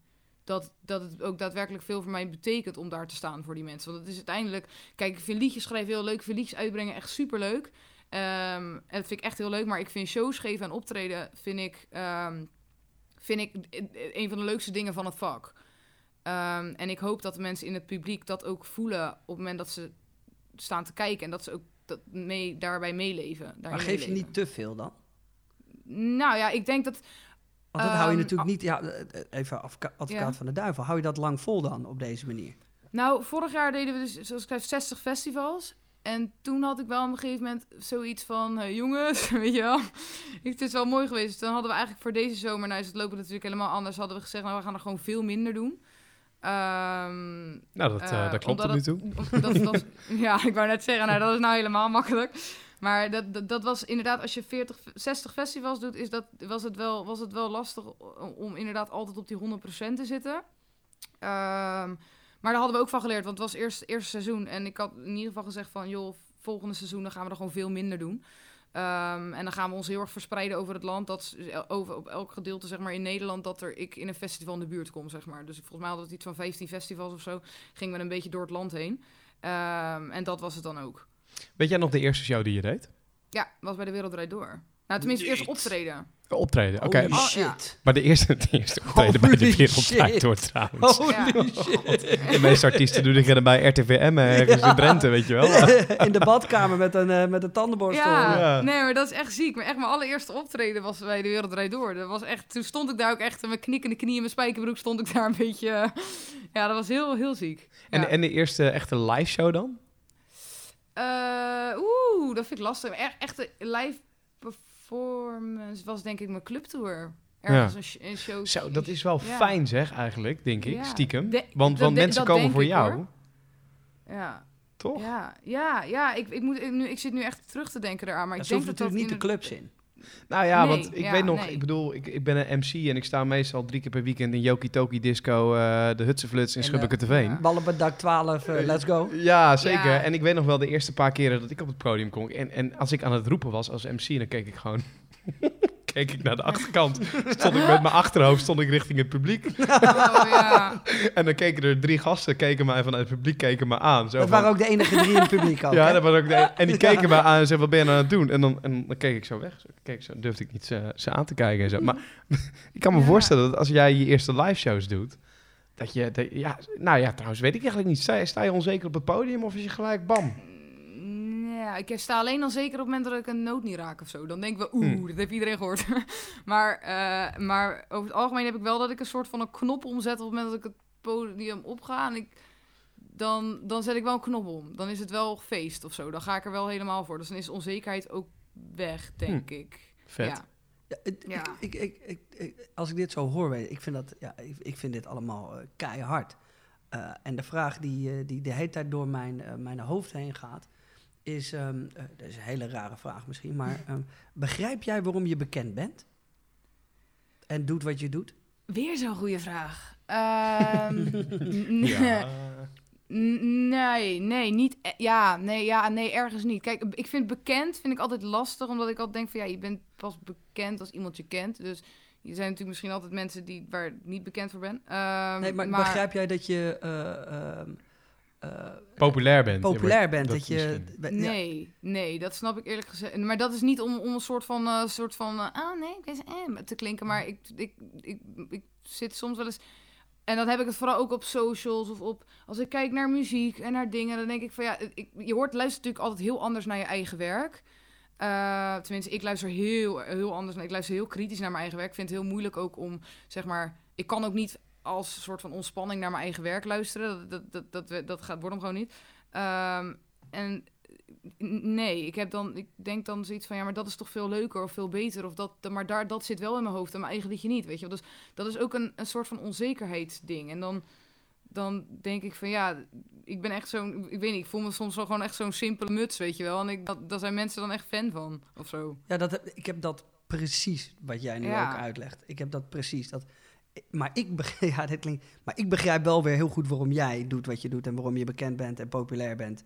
Ja, dat terwijl, als ik ik, snap het niet. terwijl als ik naar mezelf kijk, denk ik ook, ja, wie wil hier nou naar kijken, weet je wel? En dat is een beetje, en ik denk dat dat ook eh, beide benen op de grond houdt. Is omdat je dat niet begrijpt en niet in je eigen eh, populariteit gelooft. En- Ja, maar dat maak, je de, de- de- dat maak je juist zo interessant waarschijnlijk voor mensen. Want als je, als je dat op een gegeven moment wel gaat zien, hoe leuk, hoe leuk, als je zeg maar fan van jezelf gaat worden, dan word je gewoon een Oh, kwal. dat lijkt zo ja. eng. Nee, dan, gaan mensen, dan word je arrogant en dan willen mensen je niet meer. Dus dat, tenminste, ik vind mensen die arrogant zijn, vind ik echt een van de meest verschrikkelijke dingen die er, die er zijn. Ehm, dus ik denk dat het ook wel weer een soort van normaal en natuurlijk is dat je niet fan van jezelf wordt of zo. Misschien omdat je ook je minder goede kanten van jezelf kent. En nu had ik het er in het begin over. Ik bedoel, nogmaals, ik, ik eh, kom net, nog maar net kijken in de hele muziekwereld en wat dan ook. Maar eh, ik, ik zei, joh, ik kan me voorstellen dat jij op den duur het Nederlands product wordt wat, wat gaat doorbreken in het buitenland. Eh, misschien zelfs wel Amerika. Nou heb jij natuurlijk al een kleine voet eh, tussen de deur gekregen bij bijvoorbeeld een Pink. ja. Wat, wat, in, wat ineens keihard ging, je stond er een keer in het voorprogramma. ja. Ben jij ehm, daarmee bezig of heb jij nu zoiets? Ik kijk eerst even wat ik in Nederland ga bereiken. Nee, we zijn er wel. Ik ben er wel mee bezig. Zeker weten. Ehm, ik bedoel, niet, niet stom, maar ik ben 24. Ik denk dat als ik het wil gaan doen, moet ik het wel nu gaan doen. Ehm, dus ik probeer ook zeker wel. eh, we zijn nu bezig ook met een label in het buitenland. Eh, we hebben natuurlijk een YouTube-kanaal dat internationaal distribueert. Dus dat is wel iets waar we altijd ook op terug kunnen vallen. En waar we ook in het eh, buitenland dingen mee kunnen. En we proberen ook buitenlandse collabs te fixen. En, maar het is gewoon een hele lange, moeilijke weg. En eh, los daarvan ehm, ben ik enorm blij en trots op de positie die ik nu in Nederland heb. Dus eh, dat is altijd mijn basis. Maar ja, ik heb zoiets van nooit geschoten is altijd mis. En ik wil het wel gaan proberen. Eh, en dat is bijvoorbeeld ook een reden waarom mijn, mijn socials bijvoorbeeld nog steeds voertaal Engels zijn. Dus altijd, alles wat ik post, zeg maar, is in het Engels. Dat zodra, ook omdat mijn YouTube-kanaal natuurlijk, eh, daar heel veel mensen nog op steeds op mijn Instagram zitten. Ehm, maar daar krijg ik ook heel veel reacties van. Bijvoorbeeld heb ik die 17 miljoen mensen die, die, die, die, die livestreamen. Dan, dan moet ik dat allemaal in het Engels gaan lopen uitleggen wat, hoe dat in elkaar zit. En dan denken mensen, ja, maar het is allemaal Nederlandstalig. Waarom ga je dat dan doen? Ehm, maar dat is altijd, zeg maar, de eindstreep zie ik wel. Ook, eh, zeg maar, succes in het buitenland. Dat is wel iets wat ik heel graag wil. Ehm, en dat zou ik ook wel zeker, eh, dat blijf ik ook wel echt proberen. Maar is dan eh, het buitenland voor jou Amerika? Of kan dat ook, eh, ik noem maar wat, op in Duitsland zijn of zo? Nou ja, en het einddoel is natuurlijk de hele wereld. World domination. Ja, gewoon om maar even, maar om, om maar even wat te noemen. ja, nee, maar ja, ik leg, geen, ik leg absoluut geen, geen lat of grenzen of, of, of plafonds. Dus ik, ik, ik doe gewoon alles wat, ik, wat we kunnen. En als het uiteindelijk alleen maar Duitsland wordt, of misschien wordt het, krijgen we succes in eh, Fiji, weet ik veel. Je, het kan allemaal. Ehm, ja, ik, ik weet niet. Zo zie ik, ik kijk er niet naar dat ik denk van nou, eh, het doel is succes in Amerika of zo. Want dat is een hele andere industrie. En net als UK is ook heel lastig. Ehm, want daar draaien ze volgens mij op de radio alleen al mensen die bijvoorbeeld geen Engels of Brits accent hebben. Die, die draaien ze al niet. Dus dat wordt voor mij al heel lastig. Ehm, maar het, ja, het is gewoon iets wat we proberen. En, en, als het, eh, zonder einddoel. We gaan gewoon, ik leg geen latten, zeg maar. En heeft dan een voorprogramma bij Pink en een Pink die een compliment over je tweet. Helpt dat daar nog iets bij of was dat leuk voor één keer en heb je daar vooral in Nederland even de, Nou, de spotlight bij weten te pakken op een goede manier natuurlijk? Nou, ik denk het live, het spelen op het Malieveld, eh, dat is zeker iets waar, eh, waar vooral Nederland heel veel bij gezien heeft. Maar het staat natuurlijk ook wel weer heel mooi op je, op je, op je verhaal, op je portfolio naar het buitenland toe. Als ik nu naar, naar Duitsland ga en ik ben met een label aan het spreken en ik kan zeggen, hey, ik heb Pink gehad, die heeft op mijn video gereageerd en daarna heb ik in haar voorprogramma gestaan in Nederland. Dat is natuurlijk wel een mooi verhaal, iets wat je Ja. onderscheidt van alle artiesten die bij zo'n label komen en zeggen van, hé, hey, ik wil liefst met jullie uitbrengen. Dus dat is wel iets wat, wat, wij, dat, wat we goed mee kunnen nemen, eh, zeg maar, in, in het portfolio. Ehm, maar zeg maar echt actief heeft het alleen maar, eh, alleen maar resultaat gehad in Nederland. Maar ja, het is natuurlijk het gevolg van een situatie die wel wereldwijd viraal ging. Die video eh, waarin Pink reageerde en mijn cover van What About Us. En daar heb ik wereld, wereldwijd dan wel weer, eh, wel weer heel veel... Tenminste, op, op mijn, op mijn, in mijn verhoudingen, zeg maar, toen de tijd... heb ik daar wel veel eh uitgehaald wereldwijd. Dus eh, ja, uiteindelijk ben ik er alleen maar heel erg blij mee. En het is echt de eerste stap geweest, de eerste treden. Dus dat is echt heel tof. Ik vind het mooi dat je. ehm, eh, ja, ik wil het bijna schaamteloos noemen. En dat is op een, op, ja, nee, op, en dat is op een hele positieve manier gewoon wereldwijd denkt. Want ik heb, ik Ja. heb bijvoorbeeld, ik heb met Busy heb ik heel veel gewerkt. En ehm, die vertelde mij altijd, ja, ik, ik denk in alle mogelijkheden. En ik had dat in het begin, toen ik mijn ding deed, niet. En dat doe ik nu, mede doordat ik dat geleerd heb van hem, doe ik dat wel. En de- nou, die verzondingen, dat ik echt dacht, maar je bent helemaal gek. En dan een paar maanden later had hij het voor elkaar, weet je wel. Dus Ja. ik zag daar een bepaalde manier van denken in. Dat ik dacht, oh shit, die moet ik adopteren. Dat moet ik ook gaan doen. En dat heeft voor mij echt geholpen. Dus nu jij zegt, ja, eh Jay, Duitsland. Nee, de wereld. Dan denk ik, oh ja, fuck. ja. Dat is niet dat ik denk bij mezelf, oh ja, je denkt veel te groot. Nee, nee. Ik denk bij mezelf, shit, ik moet ook zo gaan denken. Dat inspireert me. Dat, ja. Want dat is echt, geloof je daar echt in? Dat je, eh, als je dat denkt, dat, dat dat dan ook gaat gebeuren? En, en dat je Nou op die ja, manier moet ja, denken? Ik, ik weet niet of ik er echt in geloof. Kijk, ik, denk, ik vind dat ambitie en, en dromen heel snel belachelijk gemaakt worden eh, in Nederland. Ja. Omdat het natuurlijk is, doe lekker gewoon en dan ben je al gek genoeg. Ehm, en ik was ook altijd van, nou ja, ik, ik, daarom deed ik ook nooit iets met muziek. Omdat ik altijd dacht van, ja, nou ja, weet je, dus, de kans is zo klein. Ik ga wel gewoon naar school en ik ga wel gewoon eh, iets serieus doen, weet je wel. En ik denk, ik durfde ook niet uit te spreken dat ik een droom had. Omdat ik dacht van, ja, dat is gewoon onrealistisch. Maar ik heb dat ook wel echt geleerd door, door mijn productieteam. Die was juist echt van, eh, ook, ook gewoon super stom. Dan zeggen ze ook, ja, oh nee, maar dan gaan we gewoon even, dan sturen we even een mailtje naar, eh, wie hadden ze nou, even naar, eh, hoe heet hij nou, James Arthur. Want misschien is het wel tof om een collab met hem te doen. Sturen ze gewoon een mailtje. Dat is, en dat je denkt van, ja, de kans is echt super klein. En dan schaam je je bijna een beetje dat je daar een mailtje voor stuurt. Maar je zal zien dat zo iemand daadwerkelijk, we hebben ook John Legend echt een berichtje gestuurd. Dat je echt denkt van, nou, wie weet, weet je wel. Ja, maar totdat hij reageert, hè? Ja, maar totdat hij inderdaad een keer echt reageert en zegt... Maar dan stuur gewoon het, we hebben gewoon een track gestuurd. Zeggen we, hey, weet je wel, vind je het wat? En het is echt een beetje... Het is bijna beschamend, zeg maar, hoe... Hoe, wat, je, wat je ambitie en je onrealistische... Het kan gewoon niet. Maar aan de andere kant denk je... Joh, weet je, nooit schoot altijd mis. En, en Totdat het Ik had- onrealistische realistisch wordt, hè? echt, ik had nooit gedacht dat, wij in het voorprogramma, dat ik in het voorprogramma van Pink had mogen staan. Dat is ook uiteindelijk allemaal gebeurd doordat we uiteindelijk maar contact met haar hadden opgezocht. Via, via onze boekers en via weet ik wat er gewoon stoute schoenen waren gaan staan. En, en als we dat niet hadden gedaan, dan was dat ook niet gebeurd. Dus ik denk van, die mensen zijn ook maar mensen. En die checken ook gewoon hun mail en hun DM's en dingen. Dus ik denk, ja, wie weet, ik het al proberen toch? En ik vind het sowieso dat, dat, dat, dat inderdaad eh, ambitie nooit, eh, nooit afgekeurd moet worden. Dat is alleen maar iets heel moois. Dus Maar staan Ja. jullie er dan ook zo in dat, en dat is ook een theorie die, eh, nou, waar ik Lars Snelle ook wel eens over heb horen praten, maar waar ook andere artiesten wel over eens zijn, denk ik.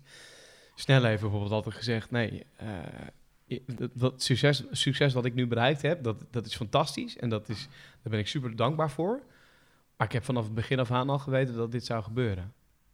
ja, cool. Ja, ik vind het keihard als je dat kan zeggen. Ja, ik bedoel, want dat als vind je, ik heel vet. dat, je, je- ik kan me ook voorstellen dat je er makkelijker over kan praten en dat kan zeggen als je die, eh, het succes al bereikt hebt. Ja. Maar hoe, hoe staan jullie daarin? in? Nee, ik had, het, ik had niet gedacht dat dat zou gebeuren hoor. Nee, zeker niet. Nee, ja, ik vind het. Ik, ik- weet je wat het is als je zoveel talent hebt als, als snelle en je inderdaad al je hele leven aan het schrijven bent en het gevoel hebt dat je geboren bent om te schrijven. En dat merk je ook aan alles wat hij schrijft. Eh, ja, dan, dan, dan, dan denk ik dat je je eigen geluk op zo'n zo'n moment ook schrijft. Ehm, maar ik had dat nooit gedacht. En ik had er ook no ik had nooit. Ik heb juist precies het tegenovergestelde eh, dan, dan, dan Lars. Ik had juist dat ik juist dat ik eigenlijk juist niks deed, zeg maar, ermee. Omdat ik dacht, nou kan toch niet. Dus de, en dat eh, hebben mijn productieteam en die jongens en gewoon een keer de sprong, sprong in het diepe met Idols heeft dat toen omhoog gehaald. Maar als ik dat nooit had gedaan, dan had ik het ook niet eh, geprobeerd. En ik, ik heb nog steeds, nog, eh, eh, nog steeds zelf elke dag als ik video's kijk of foto's of dingen van op, so op socials van andere artiesten. En dan denk ik, of ook van artiesten van wereldniveau of artiesten die niet wereld, maar iets kleiner zijn. En denk ik, ik ga daar nooit aan kunnen tippen of zo. Nee. Maar dat is misschien ook weer omdat je anders naar jezelf kijkt. Maar ik denk, dat is zo'n enorm niveauverschil. En daar zit zo'n kwaliteitsding in. En ik denk, dan, dan word ik ga bijna eh, eh, mezelf demotiveren. Doordat ik dat soort eh, mensen zie die zoveel beter zijn. Ik kan bijvoorbeeld ook niet. Ik, heb, ik, ben, ik ben fan van Beyoncé, maar die film die uitkwam op Netflix heb ik niet gekeken. Omdat ik weet dat ik daar zo enorm gedemotiveerd van raak. Ik denk, nou, dat ga ik nooit kunnen. Ik weet niet. Het is, ja, dat oh, we gaan echt diep nu. Nee, maar dat is een beetje een, gewoon een onzekerheidsdingetje, denk ik. Dat is toch juist mooi dat je dit gewoon eh, dat je dat zegt. Dat is toch gewoon. Ik denk dat een hoop mensen die dit luisteren, de- die, denken: oh ja, shit, dat heb ik ook. Ik heb. Ja. eh, eh, kijk, ik, ik was altijd gemaakt voor topsport. Ik, dat, Ja. ik, dat ik hier nu een podcast zit te maken en dat het al mijn leven zo is verlopen. Toen ik 16 was, nee, dat, dat, echt never dat dit de uitkomst zou kunnen zijn. Ik heb zelfs nooit bekend willen. Ik heb er nooit over nagedacht. TV, nooit over nagedacht. Ik wil eigenlijk radiomaker worden, dus dat komt nu wel weer dichtbij. Uh, maar ik heb wel altijd het gevoel gehad, en dat klinkt heel raar, dat ik wel ergens voor gemaakt ben voor iets speciaals. Ik heb wel altijd gezegd dat ik, uh, ik, ik ga wel iets speciaals doen. Ja. Ja, en dat klinkt Weet- raar, maar ik, ga wel, ik ben wel anders dan alle anderen. Uh, in, en dat is misschien niet in, in arrogantie, maar gewoon in tomeloze ambitie die ik Nou, bij me draag. is het voor jou niet, uh, is voor jou niet gek dat je, want je komt natuurlijk uit de topsport en je hebt heel veel vers uh, verschillende dingen gedaan. Ben je, heb, ben je niet, heb je niet het gevoel dat mensen zeg maar iemand zien of mensen op een andere manier naar jou kijken dan wie je bent? Dat ze je beoordelen dat je niet, dat ze je eigenlijk niet kennen. Snap je wat ik bedoel? Jazeker. Uh, nou, dat is vooral bij mezelf. ik denk dat ik er nooit, uh, ik denk dat ik er nooit gewend aan ben geraakt uh, dat ik doe wat ik nu doe. Ik denk dat dat nooit meer in mijn hele leven zal wennen. Dat uh, het bekend zijn, tv, YouTube, Instagram, uh, Ja. dat mensen me. Ik, uh, dit klinkt heel raar, hè? Even een hersenspinsel wat ik dan heb als ik erbij nadenk. Want we gaan uh, ineens heel diep. um, toen ik rugbiede, snapte ik waarom mensen wat ik deed uh, vet vonden, omdat ik ergens heel erg goed in was. Weet je wel, ik Mhm. kon echt rugby, ik was echt goed. Dat vond ik zelf ook en de mensen om mij heen ook. Um, maar dat kwam omdat ik goed getraind was. Ik was snel. Uh, ik had er jarenlang voor getraind. Ik, Ja. weet je, tienduizenden uren had ik erin zitten. Uh, en ik denk dat dat met jou, met je zang en alles ook zo is. En je performance. En um, ik moest daarvoor bikkelen. Ik moest daarvoor strijden. Ik moest daar fysieke kracht voor leveren. Ja. Uh, ik had pijn. Ik moest afzien. Um, ja, en laten we realistisch zijn. Nu starten we de camera. Praat ik. Doe ik een interview. Uh, of ik presenteer wat. Dat vind ik hartstikke leuk. En dan ben ik klaar. En dat Ja. staat online. En dat is het. Dus de, de, de, de, de fysieke kracht die ik daarvoor hoef te leveren, of de mentale kracht, of uh, uh, um, de training die ik daarvoor hoef te doen, of moet Ja. doen, die is echt nog geen procent van wat ik toen deed. Dus het voelt voor mij elke keer als ik wat presenteer of ergens iets doe, als smokkelen. Het, het, Ja, Maar dat- ik maar snap dat- het heel goed. Maar Ja. dat, kijk, van JJ, als ik daar als buitenstaander naar kijk, dat snap ik, weet je wel. Dat, dat is minder vatbaar, is minder grijpbaar. Eh, uiteindelijk is dat ook een ehm, verdienste die jij hebt nu, dat mensen het tof vinden om naar je te kijken, omdat dat jouw jarenlange ervaring is, weet je wel. Het leven wat je Mhm. achter je hebt, het, het heeft jou gevormd tot een bepaald karakter wat mensen leuk vinden om te volgen. Bij Davina snap ik eigenlijk ook volledig waarom mensen fan van je zijn, omdat je hebt een dijk van een stem, je eh, eh, zingt nummers goed, weet je wel. Je, je maakt toffe muziek, dus dat, dat is dan toch heel erg ja, vatbaar. En ik snap dat, dat je Ja. er niet zo tegenaan gaat, maar eigenlijk is het toch heel erg logisch of zo, stiekem. Ja, ik denk dat het voor ja, ons twee ja. logisch is, omdat wij naar haar kijken. Ja, zeker. Nee, ik, kan- snap ik kan- volledig dat het voor haar kan- niet logisch ja, is. ik kan maar- binnen, binnen twee zinnen zeggen waarom zij eh, is wie ze is en wat ze doet. Ja. Weet je wel? En, maar ik snap wel van haar dat dat ook wel... Ja, en ik, ik, kijk, ik ben eh, bekend. En jij ook, Jordi. maar Davina is echt wel nu een soort van next level. En al helemaal met de ambitie Nou. als, je in het buitenland, als je naar het buitenland wil. hè. Ja, dat, Wordt het alleen maar erger. Ja, ik, ik, nou, ik, wilde, ik wilde daar even op, op aanpakken. Want het is ook een vraag die ik aan, eh aan Snelle stelde, volgens mij, in deze, in deze podcast. Ik kan me heel erg voorstellen, en dat Snelle natuurlijk ook, die is op een gegeven moment in één keer heel hard gegaan. Werd bij de mainstream Nederlanden ook bekend. Scoorde hits na hits na hits, et cetera. Mhm. Dat heb jij nu ook gehad. En nu komt dat door, door deze hele bizarre, eh, nou, zeg maar gewoon plat gezegd, kuttijden waar we met z'n allen in zitten. Komt die trein heel even stil te staan. En ik kan me voorstellen, en zeg maar als het niet zo is, dat je zit op een trein die alleen maar doorgaat, doorgaat, doorgaat. En je hoeft even niet na te denken over hoe je het allemaal precies doet. Maar het gaat gewoon lekker, weet je wel. Je blijft maar doorgaan en iedereen reageert positief. Nu komt die trein in één keer tot stilstand te staan. En dan ga je in één keer nadenken over, fuck, wat doe ik allemaal? Doe ik het allemaal wel Ja. goed? En welke kant moet ik eigenlijk op? En eh, oh shit, en hier ben ik onzeker over en daarover. En Ja, ik weet niet of ik dat. Weet je wat het meer. Ik denk ah, met de trein stilstaan, dan, dan, denk je, dan bedoel je de coronaperiode nu, hè? Denk ik. Ja, Of dat, je, dat je in één keer eh, thuis zit, inderdaad. Ja. Ja. Nou, ik denk niet dat ik daar echt. ehm, ik denk niet dat ik daar echt stil door kom te staan. Kijk, ik, we zijn juist nu. Kijk, we hebben natuurlijk dat 17 miljoen mensen gedaan. En dat heeft ons lekker bezig gehouden. En eh, ehm, ons ook even mijn werk gegeven. eh, heeft er even nog een hit eruit geknald, weet je wel. Dus Ja. ik denk. En, en daarnaast. Kijk, ik had een heel jaar uitgestippeld. Vorig jaar eind, eind, eh, eind 2019 al van oké. Eh, Formule 1 zou er aankomen. AVAS twee keer. Album zou er aankomen. Eh, Formule we hadden 1. een hele, een hele heel promoplan zeg maar, uitgestippeld naar het eh, release van het album toe. En dat is ehm, allemaal eruit gevallen. Ja. Dus dat is natuurlijk, dat was even slikken. Maar ehm, we hebben eigenlijk vanaf dat moment wel ook gewoon gelijk gezegd van oké, dit is een gekke situatie. Wa- Wat we afgelopen twee, drie, vier jaar al gewend zijn, gekke situaties. Dus eh, daardoor heel flexibel. En hoe, hoe gaan we de tijd die we nu eh, die we over hebben nu invullen? En, en ik denk dat we zijn nu heel hard aan het schrijven thuis. En eh, de covers gaan nog steeds gewoon door. Die, die, neem, ik, die neem ik nu zelf thuis op. Ehm, dus dat. Horen jullie mij trouwens nog? Ja, ja, ja. Oh, oké, sorry, zeker. mijn laptop viel even weg.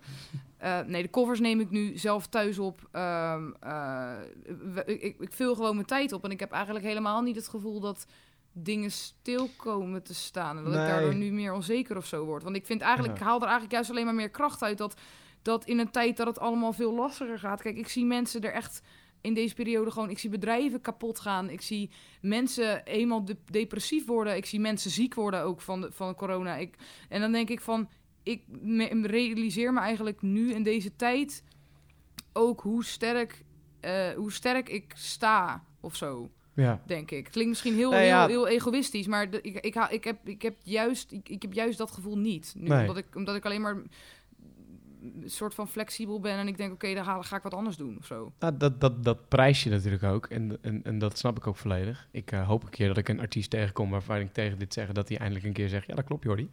Die heb ik nog niet gehad nu. nee, ja, eh, maar, maar het gevoel wat ik probeerde een beetje te omschrijven... is dat je weet toch dat, dat je gaat een hele dag... Je, je, de gemiddelde dag, je werkt maar, je werkt maar, je werkt maar... tot het moment dat je in bed ligt... En dan heb je één keer stilte om je heen en dan ga je malen over dingen. Dat bedoelde ik. meer. Ja, oh zo, ja. Ja, en, en ik kan me voorstellen dat dat misschien nu gebeurt. Het is alleen maar goed als dat niet gebeurt. Begrijp me niet verkeerd. En dat is alleen Ja. maar fijn dat je nu ook een weg weet te vinden om het, eh om het ik door denk, te dat wij ook de, ik denk dat wij ook de mazzel hebben dat we hier artiesten uitnodigen die een tomeloze ambitie hebben om eh, iets te doen. Ja, En, eh, misschien moeten we een keer iemand uit, uit, ja, uitnodigen die, die er echt die, geen zin in die heeft. er gewoon geen zin meer in heeft. Ja, nee, maar ik ben Dat is helemaal niet leuk. Ja, dat klinkt. Ik, ik ben natuurlijk mee geweest en dat gevoel heb je al snel bij iemand. Dus je ziet wel iemand, oké, die heeft energie. En die trekt, of het nou eh, eh, de slechte tijden, goede tijden, het maakt allemaal geen reet uit. Die trekt eruit wat erin zit. Ja. Maar En dat is ook wel de weg naar succes, hè? Tenminste, er zijn natuurlijk, het is ook natuurlijk een- een deel geluk en, en, en bevoor, bevoorrecht zijn. Maar ik, ik denk dat de weg naar succes ook gewoon ambitie en hard werken is. Kijk, als je niet hard werkt, dan, dan, dan, dan kan je nog zo lekker kennen zingen, bij wijze van spreken. Maar er zijn heel veel mensen in Nederland die, die goed kunnen zingen.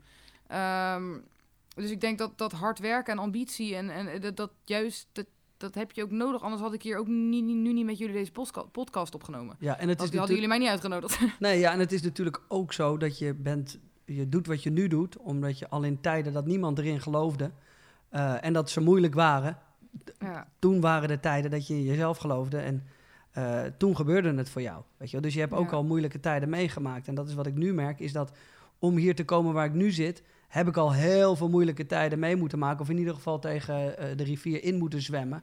Terwijl iedereen zei, ja, dat gaat je niet lukken. Of, weet je wel, dus ja. Ja. in deze tijden, ja, het is weer moeilijker geworden. Maar ik ben ook juist daardoor, eh, waar ik nu ben, ben ik ook door hele moeilijke tijden. Dus Ja, het en is- het, je het, weet houdt, ook het, houdt- het me fris. Ik vind het wel fijn overigens dat we hebben nu al een uur gesprek ongeveer met een vrouw. En die heeft nog nooit gezegd, hé hey mannen, wat, wat, wat lullen jullie dom? Nee, maar toe jullie lullen ook niet om. Ik vind het een heel serieus goed gesprek. Ik dacht dat je echt wilde gaan zeggen dat, dat met een ges- uur gesprek met een vrouw... en dat ik wil niet zeggen, ik moet even plassen of zo. even piezen. Maar jij bent ook wel gewoon je wijntje aan het drinken, toch? Eh, nou, die is al op ondertussen hoor. Nou, maar omschrijf even, want daar hebben we het helemaal nog niet over gehad. Ik bedoel, Nee. mensen weten dat wij bij, eh, bij JJ Bosk in de, in de kamer zitten met een eh, nano-aquarium met een bak licht erop waar het Ava Stadion in Alkmaar jaloers op is. Luister, jullie niet fokken met mijn aquarium. Ik heb het nu al een paar keer gezegd. Ik- Michelle, ik heb dus een aquarium en daar ben ik echt trots op. want Nou, aquarium, aquariumpje. rustig aan. Ik kan geen... Vissenkom. Nee, het is Ja, fuck jullie. Het is ik kan geen honden hebben, dus heb ik een aquarium gekocht. Net zo, inderdaad. ik ga nog even een rood wijntje pakken, maar Mi- Michelle, waar zit jij? Ik zit eh, in, een, eh, in, een, in een klein werkkamertje in, mijn- in, in, in Dordrecht, in mijn huis. Maar ik heb, want ik heb ook in die video van, eh, van jou en Jay gezien, je, je- een heel studiocomplex. Wat, wat is dat nu voor studio? Is dat van, van jou of van je team? Of... Dat is van mijn productieteam. Dus ik werk, ik werk in principe met, met, eh, met eh, vier eh, eh, ook hele ambitieuze eh, jonge mannen. eh, waarvan drie muzikanten en producers. En één grafische jongen, dus die filmt en die doet eh, Photoshop en eh, zorgen dat ik er goed uitzie, zeg maar. En, ehm, en, die, eh, en die doen ook mijn management en, en alles. eh, En die, dat is hun studio, zeg maar. En daar, daar neem ik de covers op en dan schrijf ik de liedjes. En de eigen, daar ben ik eigenlijk elke dag, ben ik altijd. Ehm, alleen nu in deze periode is het natuurlijk iets lastiger, omdat we toch allemaal een beetje in quarantaine zitten. Want al die jongens hebben ook weer een vriendin. En ook weer, eh, weet je, als er eentje ziek wordt, dan worden we allemaal ziek. Dit is- en dat dit is mooi. En die jongens hebben alweer een vriendin en dat soort Ja, dingen. ja, ja. ja, ja maar die gaan misschien wereld. wel, eh, ja, weet ik veel. Dus we, we hebben, ze- en daarom heb ik nu thuis, zeg maar, in een klein, klein overig kamertje, heb ik, hebben we een, eh, een bureautje en een, en een opnamesetje neergezet. Zodat ik nog een beetje de covers kan inzingen en zo. En daar zit ik nu. Het is eigenlijk best wel een leeg kamertje. We hebben, we hebben van de week hebben we het een beetje versierd met akoestische behandeling en wat platen. En, eh, nou, dat klonk echt heel arrogant. maar, maar gewoon een beetje aangekleed. En eh, het is, ja, als het wat galmt, dan, eh, dan is dat wat je hoort. Hey, hoe belangrijk is, is het? Want, want, ja, je, bent, je zegt net, ik ben het hier aan het opnemen en ik doe mijn covers. En ik ben natuurlijk ook nu, eh, ik, ja, ik ben 34 en ik zit op YouTube. Ja, het is bijna triest, zou je zeggen. En kaal. Ja, het is bijna Nee, triest, maar ik bedoel, hoe belangrijk, hoe belangrijk is, is YouTube voor jou? Ja, dat is heel belangrijk. Ja, dat is heel belangrijk. Het is ten eerste iets waar ik altijd op terug kan vallen. Dus eh, ehm, op het moment dat de hele, hele ik word niet meer op de radio gedraaid en ik word niet meer uitgenodigd op tv en mijn liedjes werken niet meer en weet ik veel, dan heb ik eh, altijd nog een, een YouTube kanaal eh, waar ik op terug kan vallen. Dat is het ten allereerste.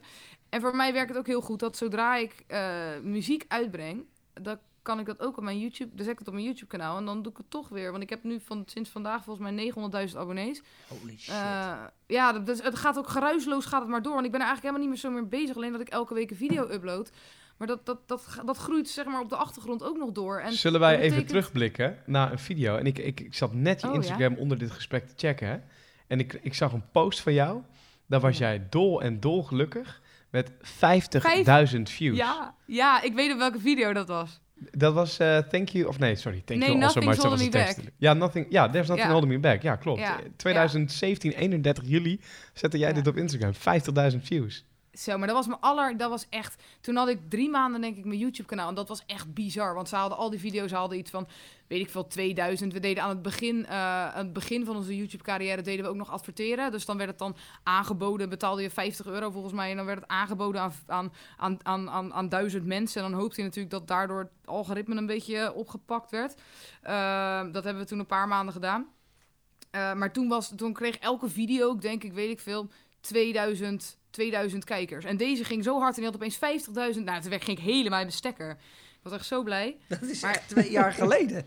Ja, nou ja, ik ben maar nog steeds. En ik, dan denk ik van, ik, ik, kan, nu je ook zegt inderdaad wat je feit, dan weet ik ook precies over welke cover of welke situatie het ging. Want dat was toen was dat echt helemaal 100% mijn leven. Dat was, het, dat was hetgene wat, wat ik toen elke dag altijd deed. Toen deed ik ook Ja. nog een dag, twee dagen erover. Want die, die cover ook is bijvoorbeeld opgenomen in een huis van een van de jongens van het productieteam. Want die had een hele mooie serre of zo, weet ik veel, met een piano. En daar wilde het dan helemaal mooi gaan opnemen. En dat deden we gewoon echt twee dagen over om zo'n cover op te nemen. Nu eh, janken we het er in een uur doorheen, weet je wel. Dus er zat ook nog zoveel, zoveel nou ja, ik, wil, ik vind het nog steeds leuk en er zit heel veel liefde nog achter hoor. Maar ik denk dat het, nu is het meer een... ehm, een, een, een distributiekanaal, denk dat ik denk van nou, als ik dan mijn eigen muziek uitbreng, zet ik het erop en dan zijn er weer 900.000 mensen wereldwijd, zeg maar, die toegang hebben tot mijn, mijn liedje, zeg maar, die, die, die, waar ik het naar kan eh, sturen. Waar komen deze mensen vandaan? Eh, volgens mij is 10% Nederlands. Nee. Echt Ja, 10% op maar? You- YouTube is iets van 10% Nederlands. Ja. Shit. Ja. En 90% eh, JJ Boske. Ja, 90% day one clicks. ja, nee, en verder is volgens mij het grootste is, is, is eh, Amerika wel. Eh, Duitsland en Brazilië volgens mij. En, en Azië is ook heel groot, maar niet in verhouding met, met Amerika en Duitsland. Die zijn heel groot. Maar Ik hoe... hoe eh, ja, sorry Jordi, maar hoe, eh, Amerika is dan een van de, is de grootste. Ja. Eh, krijg je daar dan el- eh, elke dag ook berichten eh, vanuit Amerika? Of, of, of Ja, contractaanbiedingen nou, of shows? Hoe moet ik dat zien? eh, nou, ik ben, ik ben, eh, ik ben een, een keer naar... Nou, tour wil ik niet zeggen, maar ik ben een keer naar Amerika geweest. Toen had ik, twee, had ik drie shows, volgens mij. of Twee of drie shows. En toen hebben we dat allemaal in twee weken gepland. En toen ben ik gewoon eh, ben ik naar San Diego gegaan.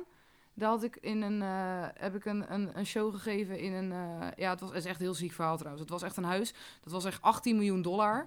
Het was, ja, dat is geen huis, het was een landschap. En dat wilden ze dan zeg maar gaan verkopen. Maar op het moment dat je zo'n landschap gaat verkopen... dan ga je dat niet op Funda zetten, zeg maar. Dan geven ze daar hele, he- hele feesten en evenementen en dingen omheen. En toen eh, hadden ze me... Dat was net na, na die Us video die, die viral was gegaan. Toen hadden ze me daarvoor uitgenodigd. En toen heb ik daar, eh, ben ik dus inderdaad naar San Diego gevlogen. En eh, heb, heb ik daar met mijn toetsenist... hadden ze een, een podium, een glazen podium op het zwembad gebouwd. En daar heb ik toen gewoon... twee uur lang eh show staan geven. Maar toen ook alleen maar met, met covers, want ik had helemaal geen eigen liedjes. Weet je, als ik er nu aan terugdenk. Maar dat was echt... eh, en die, die man die dat organiseerde is nog steeds echt een hele goede vriend van mij. Dus ik ga van de zomer... Hij is een aantal keer naar Nederland gekomen. Ik ga van de zomer ga ik ook weer daarheen. Dus dat is echt... eh, maar dat, is ook heel gek. Maar dat, dat is hetzelfde als... Trouwens, als je over Amerika... Dat is met op in, mijn Instagram ook. Ik heb op... Instagram is volgens mij... is maar, vijf, is maar is 50% Nederlands. En, en, de re- eh, dat is, maar- en de rest is allemaal, eh, allemaal eh, Amerikaans en Duits. En Ja, daarom ben, is- ik- ben ik ook grotendeels voertaal Engels. Omdat de helft, als ik een Nederlandse post doe, is maar de helft van de mensen die het begrijpt. Nou, ik, een beetje lullig. ik val sowieso door de mand, want ik heb net gezegd dat ik helemaal fan ben en zo. En ik zie het nu eens. en ik, je- ik, zie, ik volg je niet eens. Oh, dus ik heb even snel op volgen gedrukt. dat ken je, hè? Dat ken je. Dat ken je, hè? Had je ook niet hoeven zeggen hoor. Nee, maar ja, zo eerlijk ben ik dan ook wel weer. Maar zi- zijn er nog meer gekke optredens of zo? Want kijk, we zien natuurlijk alle optredens die jullie doen op festivals, hè, clubtours en Ja. dergelijke. Maar er gebeuren natuurlijk ook heel veel eh, show-aanvragen achter de schermen. Besloten feestjes en dat soort dingen. Zijn er gekke feestjes geweest waar je al hebt opgetreden het afgelopen, afgelopen jaar? Nee, nee, ik doe, zo, ik doe eigenlijk eh, geen, eh, geen corporate dingen. Dus geen besloten bedrijfsdingen doe ik niet. Omdat ik het heel... Ten eerste omdat ik het echt verschrikkelijk vind om te doen. Eh, op, voor bruiloften en feestjes. En dan sta je zo, weet je wel, dat vind ik echt helemaal niks. Eh, en het is vreedtijd. En dat hebben we gewoon niet. Dus dan zou ik het echt alleen maar voor het geld doen. En dat, eh, dat is... Nu is tijd, zeg maar, is schaarser dan geld. Dus we hebben bedrijfsdingen hebben we, hebben we, doen we sowieso niet. Dus ik, daardoor heb ik eigenlijk inderdaad alleen maar openbare evenementen gedaan. Dus ik heb niet echt gekke, gekke optredens, zeg maar, ge- gedaan. Nee, nee, niet echt. En Krijg je dan wel eens, eh, als je best wel, de Amerikanen volg je natuurlijk. Mhm. Heb je dan ook wel eens een, een, Amerikaanse ster die in je DM eh slide en die zegt, hey, hi de winnaar, how are you? Nou, heel af en toe. Ik had laatst dus, nou, dat is niet echt een, een, een ster, tenminste, het, ik had eh, een cover gedaan van Impossible van Chantel. Ehm, en dat had ik gedeeld en daar had ze op gereageerd. Ik heb wel eens eh, GP Cooper gehad, die had gereageerd. Vond ik ook super tof. Oh ja. Ehm, Pink natuurlijk. Eh, en is- volgens mij, zoiets is het. Ik, volgens mij heb ik een keer ook die... ehm, ik weet niet hoe hij heet. In ieder geval, gewoon af en toe gewoon een keer via DM van... Nee, leuk, want dan... Ik doe natuurlijk elke week dan die, de, de cover op posten en op een story zetten. En dan krijgen zij dat in een DM. Dus de kans dat ze het zien en dat ze dan reageren. Dan sturen ze van, hey, het is nice, weet je wel. En dan, dan ga ik natuurlijk helemaal mijn stekker. dus ik de fangirlen jongen achter mijn telefoon denk, ja. Maar dat, eh, dat is wel heel tof. Ja. Als jij ehm, binnenkort een samenwerking met een Nederlandse artiest zou moeten uitbrengen, en misschien staat het wel op de planning, ik heb geen idee. Ehm, wie zou dat dan zijn? Ja, nou met een kijk, als het een Nederlands artiest is, dan dan wordt dat wordt dan is het zeg maar heel erg beperkt omdat heel veel Nederlandse artiesten dan Nederlandstalig zingen. En ik wil wel mijn Engelstalige liedjes zeg maar, ik, dat is wel mijn focus. Eh, niet alleen omdat ik daar het buitenland wil, maar ook omdat ik dat het allerleukst vind om te doen. Ik denk, ja, Nederlandstalig kan ik altijd nog zingen. En ik wil eigenlijk, omdat ik het mijn hele leven eh, wil volhouden, wil ik iets doen wat ik echt leuk vind. En dat is gewoon Engelstalig. Ehm, dus dan, dan vallen er al heel veel Nederlandse artiesten uit. Maar ik zou het bijvoorbeeld wel heel vet vinden om een keer met een, een DJ iets te gaan doen. Ik heb natuurlijk met Armin al iets gedaan. Alleen het was dan Nederlandstalig. Eh, maar ik zou het wel vet vinden. We hebben zoveel goede DJ's in Nederland om daar, eh, om daar een keer iets mee te doen. Maar eh, ja, het jaar is nog jong. er kan nog heel veel gebeuren. Dus dat is iets, iets waar we ook, zeker nu in de tijd dat er heel veel tijd is, dat we zeker, zeker proberen. Was dit een politiek correct antwoord van artiest Davina Michel? Of was dit een, eh, een antwoord... eh, Dit was gewoon een politiek correct Het, het antwoord. was wel de ce- gecensureerde, gecensureerde antwoord, ja. Wij zaten ook Ja. met z'n tweeën een beetje zo naar elkaar te kijken en te denken, oké, ja, dat is prima. Dit antwoord eh, stoppen we er gewoon in, maar eigenlijk eh, is het gewoon prima zo. Ja. Hey, Nee, ja, wat wil je dan wil ik zeggen? Dat is toch zo? Ik wil het Nee, wel, ja. ik, we gaan het wel proberen. Nee, ik zou ja, het wel vet vinden, maar ik heb niemand nu in Nederland... Een Nederlands, ik ga in, tenminste die Nederlandstalig zingt. Dus gewoon voor, Nee, voor oké, mij nu, het werkt gewoon niet. Laten we dat vind- Nederlandstalig even varen dan. Internationaal, staat daar iets op de planning? Er staat nog niks op de planning. Nee. Gaan nee. we alleen correcte antwoorden geven? Want ik Nee, dat is echt zo. Er staat echt al niks op de planning. Nee, er staat echt al niks op de planning. Nee, ik zou het super vet vinden om, eh, zoals ik al zei, om met DJ's iets te gaan doen. Maar ja, ik hoop, ik hoop we, we- daar liggen lijntjes uit en ik hoop dat, er iets, eh, dat we dat kunnen gaan doen. Wat ik Maar wel ik- grappig vind, want, want jij zegt net over dat, over dat Engelstalig. Jij hebt op dit moment nu een gigantische hit met een nummer wat Nederlandstalig is. Dat Ja, is iets nou ja, dat- wat dan dat is- waarschijnlijk ineens ontstaat. Ja, nou ja, ja dat is dus. En dat is wat, wat jij net ook zei, Jay. Dat je als je iets heel veel kracht en heel veel eh, eh, eh, moeite voor gedaan hebt, dat je er heel erg trots op bent. En dat merk ik ehm, vooral met mijn Engelstalige liedjes. Kijk, zoals Duurt te lang was natuurlijk een cover. Ehm, en, en het liedje nu V17 mensen met snelle ook. Dat is, dat is zo snel gegaan. Dan is het er opeens en dan staat het opeens op één. En dan denk je, oh, weet je, dan, je bent er wel trots op en ik ben er wel blij mee. Maar het is anders dan bijvoorbeeld dan, dan Skyward die op 7 stond. Of, op, of Better Now die op, op 15 stond. Weet je wel, of op 20, weet ik waar die op stond. Daar ben ik, daar ben ik dan zelf persoonlijk trotser op, omdat ik daar maanden en maanden en maanden op, op, op ge- geoefend en geschreven en geproduceerd. En echt eh, eh, eh, eh, zenuwinzinking over gehad heb. en- dan is dat toch anders ehm, dan, dan zo'n cover van Duurt lang bijvoorbeeld. Ja. Dat is, dat is heel, Wat ook dat is heel gek. logisch is wat je nu zegt. Hè? Ja, Dat heb ik zelf maar ook. eh, los ervan, en dat is wat Domine ook tegen me zei van de week, want eh eh 17 miljoen mensen kwam van Q-Music, eh 17 miljoen mensen kwam eh, op één binnen in de top 40 en Domine belde mij om dat eh, toe te lichten. En toen zei hij ook, ja, dit is je, je derde nummer één hit en dat zijn alle drie Nederlandstalige liedjes. Terwijl Ja. dus eigenlijk Wat alle een lul, hè, die Domien. Huh?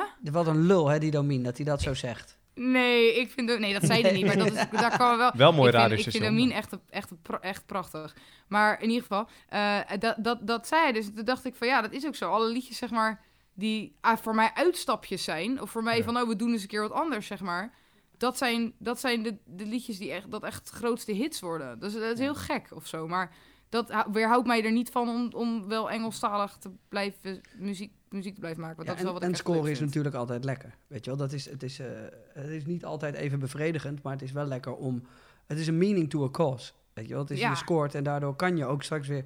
Omdat Ja. je zo succesvol bent in het Nederlands af en toe, kan je ook aan je Engelstalige carrière blijven werken. Precies, want Zonder anders zonder enige duur te lang, dan had ik, eh, dan had ik eh, die, die Skyward en weet ik wat allemaal, dat had het niet zo ver geschopt hoor. Dus daar ben ik alleen maar heel erg dankbaar voor. Ehm, maar ja, het is, het is wel een beetje gek of zo. En ik krijg ook heel vaak de vraag van, ja, ga je nou, ga je weer Nederlandstalig doen? Dan ga je weer dit doen. Wat ga je nou doen? En wie? En dan denk ik, ja, moet ik hou nou eens op? Mag toch lekker zelf weten. Ja, zo is het wel. Ja, ja. En dat Ja. Vind, ik wil even, eh Domine is natuurlijk niet een lul, maar ik probeer eh, hier zo over hun te praten. Zodat Ja, Domien is wel een lul. Ja. Nee, Domine is wel een lul. Ja, nee, gewoon eerlijk. Nee, ja, ik, probeer- ik zie de hele tijd Man Man Man de podcast boven ons staan. Dus ik denk, Ja. als ik nu negatief hierover ga praten, dan gaan mensen niet meer luisteren naar hem. Oh. De concurrentie uitschakelen. Ja, precies. Ja. Ja, heel leuk. Zijn er, zijn er ook... eh, eh, Michelle, heb jij wel eens gehad dat je ergens kwam en dacht bij zo... Oeh, dat moet ik misschien niet meer doen?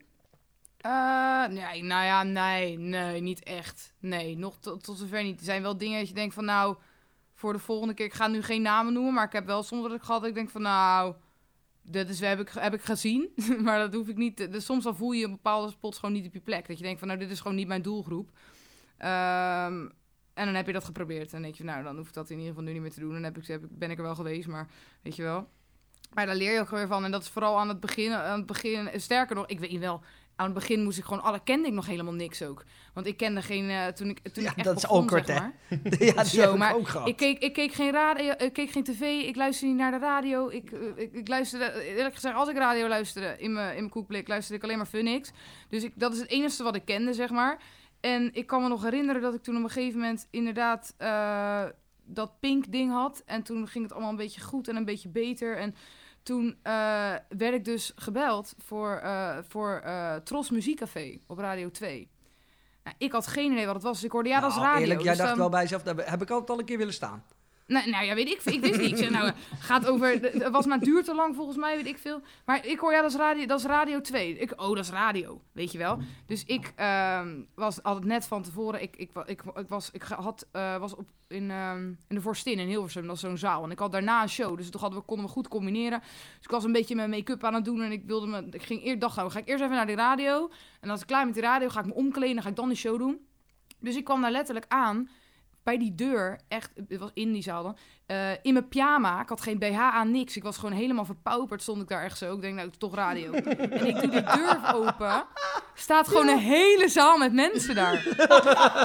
ik denk, wat is dit? Dus ik draai me om. Ik zeg, wat is dit? Ik zeg, ik zeg was toch radio? Nee, wat is het gewoon een live show? Ook voor mensen. Dat wordt dan gefilmd. en Dat komt op YouTube. En dan hebben we al gasten uitgenodigd. Stond helemaal tot de nok toe vol. Duurde Staat dit nog Stond ik online? In mijn, in met mijn punttepels daar zo eh, voor de, al de- Nou, dat is echt, echt belachelijk. Maar dat soort dingen, die leer je dan. En nu weet ik elke keer inderdaad, als ik dan naar Tros Muziekcafé ga... waar ik wel inderdaad daarna weer, weer ook gewoon geweest ben... maar dat is super, hartstikke leuk... eh, dat ik inderdaad, dat het wel ook... dat, er- dat er ook een publiek bij zit. Maar dat zijn allemaal van die dingen, die, die moet je dan ontdekken. Ja. En ik ben blij dat het op zo'n manier is gegaan. Maar het, ja, het had allemaal nog veel erger gekund. Die heb ik ook Maar, gehad, eh, hoor. 100 procent. Die heb ik ook Wat gehad. dan? Welke? Weet jij met je puntste- pu- punttepels en een Punttekens BH op... binnen eh, zonder bij BH. Tros Muziekcafé. nee, maar ik, eh, ik heb wel echt vaak gehad dat ik in een soort van... Ja, in een soort van trainingspak en eh, drie dagen niet geschoren. En bij mij, ja, dan lijk ik al snel echt 80, kan ik je vertellen. Hmm, nou, ik geloof niet. en dat ik dan ergens binnen kwam lopen op mijn slippers. En dat, eh, dat ik dacht, ja, dit is gewoon een radio-interview, dus ik ga lekker zitten en ik ga praten. Ja. En dan kwamen er ineens camera's en dat ik zo tegen die mensen, ja, maar... eh, hebben jullie gezien wat ik aan heb? Oh, ja, dat kan gewoon, weet je wel. Dan hebben ze ook geen ziel. Deze Want ze hebben je gewoon nodig. ja, maar deze Ja. man heeft bijvoorbeeld ook nog eens wel bij mij in een eh, radioshow op Q gezeten. Vervolgens een heel, hele fles wijn, eh, rode wijn over het hele mengpaneel over Dat heb ik gezien. Dat heb ik gezien. Ik ging er. Ik moest met. Dat was toch met Hila? Ja, dat klopt. Ja, ja, Ja. ja. ja, ja, Ja. ja. ja. en met jou. Ja, nee, dat heb ik gezien. Dat was echt lachen. En het was wel super grappig om er nog wat over te vertellen, want wij hadden een, eh een, een stagiair, een schat van een meid die meeliep. En, en die was bij ons ook productie aan het doen de studio, die stond erbij. Ja. En ik weet nog, Jay die gooit daar een halve fles rode wijn om over die witte, witte tafel, hè. Want eh, voor de duidelijkheid, er is geen wittere radiostudio dan Q Music. Echt Ja. jongen, het is Want, alles, eh, het hele meubel is wit. Q is good for you. En daar werkt Jordi, hij heeft daar een heel mooi contract. En hij houdt van Q Ja. Music. Nee, dat, Het is daar altijd zo gezellig. Nee, zeker, zeker. Dat is 100% waar. Maar die, die, dat studiomeubel is zo wit als het maar kan. Ja. En ik weet nog, hij gooit die halve fles rode wijn om. En die stagiair die kijkt Hila aan en die zegt... Hij gooit wijn om. Waarop Hila midden in de radio-uitzending zegt- en, en, en naar haar kijkt en denkt... eh, ja, Ja. zij, bleef, zij was helemaal in shock. Zij was helemaal in shock dat jij die wijn omgooide. Dat weet ik nog precies. Dus Ik heb ook daarna een mailtje gestuurd dat ik nooit meer wilde dat die stagiair ergens aan de bak komt. Nee, nee. Oh. nee Wat dat een is- goed verhaal. Nee, ja. ja. ik ben gewoon die eikel die gewoon niet oplet met dat soort dingen. Maar gelukkig kunnen we wel altijd om lachen. Ja, en als mensen nu denken, joh, het gesprek duurt te lang. Ik luister al een tijdje, dan... eh, Ja. sorry, ik wilde, dit, ik wilde één moment Heel in deze Die podcast... moest je even maken. Ik moest hem, hoe, hoe vaak wordt die gemaakt eh, bij jou? Ehm, ja, het, valt, het, valt- het, begint, het, het begint een beetje af te nemen of zo. Ja, totdat ja, ik, het was eh, aan het begin eh, was het wel, eh, maar vooral in, in, de, in, in familie en vrienden, weet je wel. Oh, dat ja. je echt denkt van, pff, weet je wel, dat je denkt, maar dat, op een gegeven moment komt het je strot uit, zeg maar. Maar dan vooral als het van je familie is, want dan kan je, daar, dan kan je dat zat worden. Als het soort En voor van, Jordi Warners. Het eh, hey, ik, heb Ja. nog, ik heb nog, want we zijn al lang in gesprek en ik hou daarvan. Ik heb wel nog iets wat, eh, waar ik de hele tijd aan moet denken.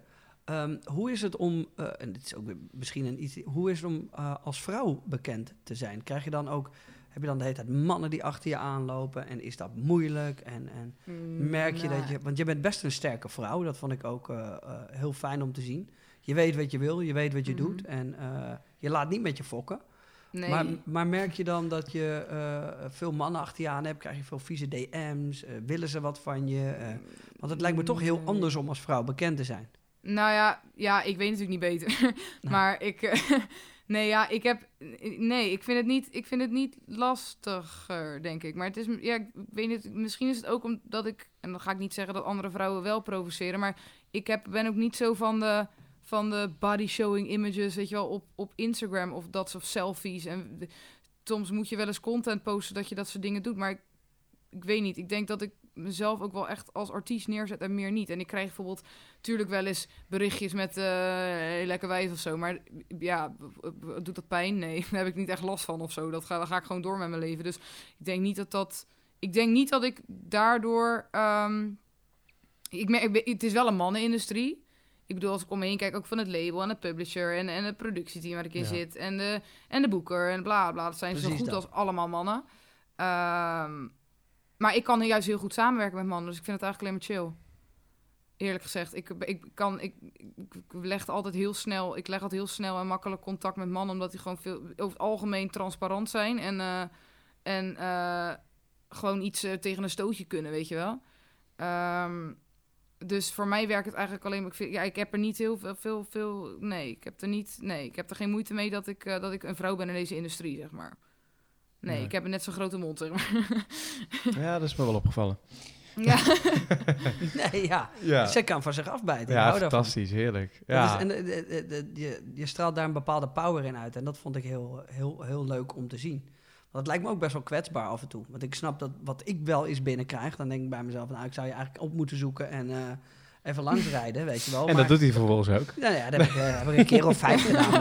niet, maar ik bedoel, ja, dat ik denk, ja, dat kan echt niet. En ik kan me, niet, kan me voorstellen dat als je een succesvolle vrouw bent... en eh, vooral in de muziek, waar mensen altijd een mening hebben over wat jij doet... maar ook dat ze je heel snel zien als een aan- aantrekkelijke vrouw. Want elke vrouw die bekend is, is aantrekkelijk op de een of andere manier. Eh, dan krijg je ook hele rare dingen binnen. En dat lijkt mij als vrouw nog, ja, nog, nog confronterender. Nou ja, het is, het is vooral dat je. Ik heb soms wel het gevoel dat je dat ik zeg maar meer, ehm, meer, meer mensen moet overtuigen dat, dat ik het daadwerkelijk zelf wel heb bereikt of zo. Dat ik niet een man nodig heb gehad om hier te staan. Dat is wel. Soms dan zie je heel snel zien een knappe vrouw die heeft allemaal dingen bereikt. En dan, dan is het, oh, want ze zal wel, eh, ze zal wel een rijke vent hebben. Of ze Ja. zal wel een. Weet je wel, dat is echt zo'n stereotypering. En ik vind het juist heel erg cool en heel erg tof als ik als ik wel, als ik wel vrouwen in de industrie eh, tegenkom eh, die, die, die keihard werken en die echt super, zich, echt heel deze mannenwereld zeg maar eh, om mijn vinger winden. En dat vind ik juist, vind ik echt, dat vind ik dan nog toffer. Ehm, maar ehm, ja, nee, ik heb er zelf, nee, ja, ik, nee, ik heb er zelf niet zo heel erg veel last van. Ik heb wel op een gegeven moment één keer gehad, dat vond ik zo fucking gaar.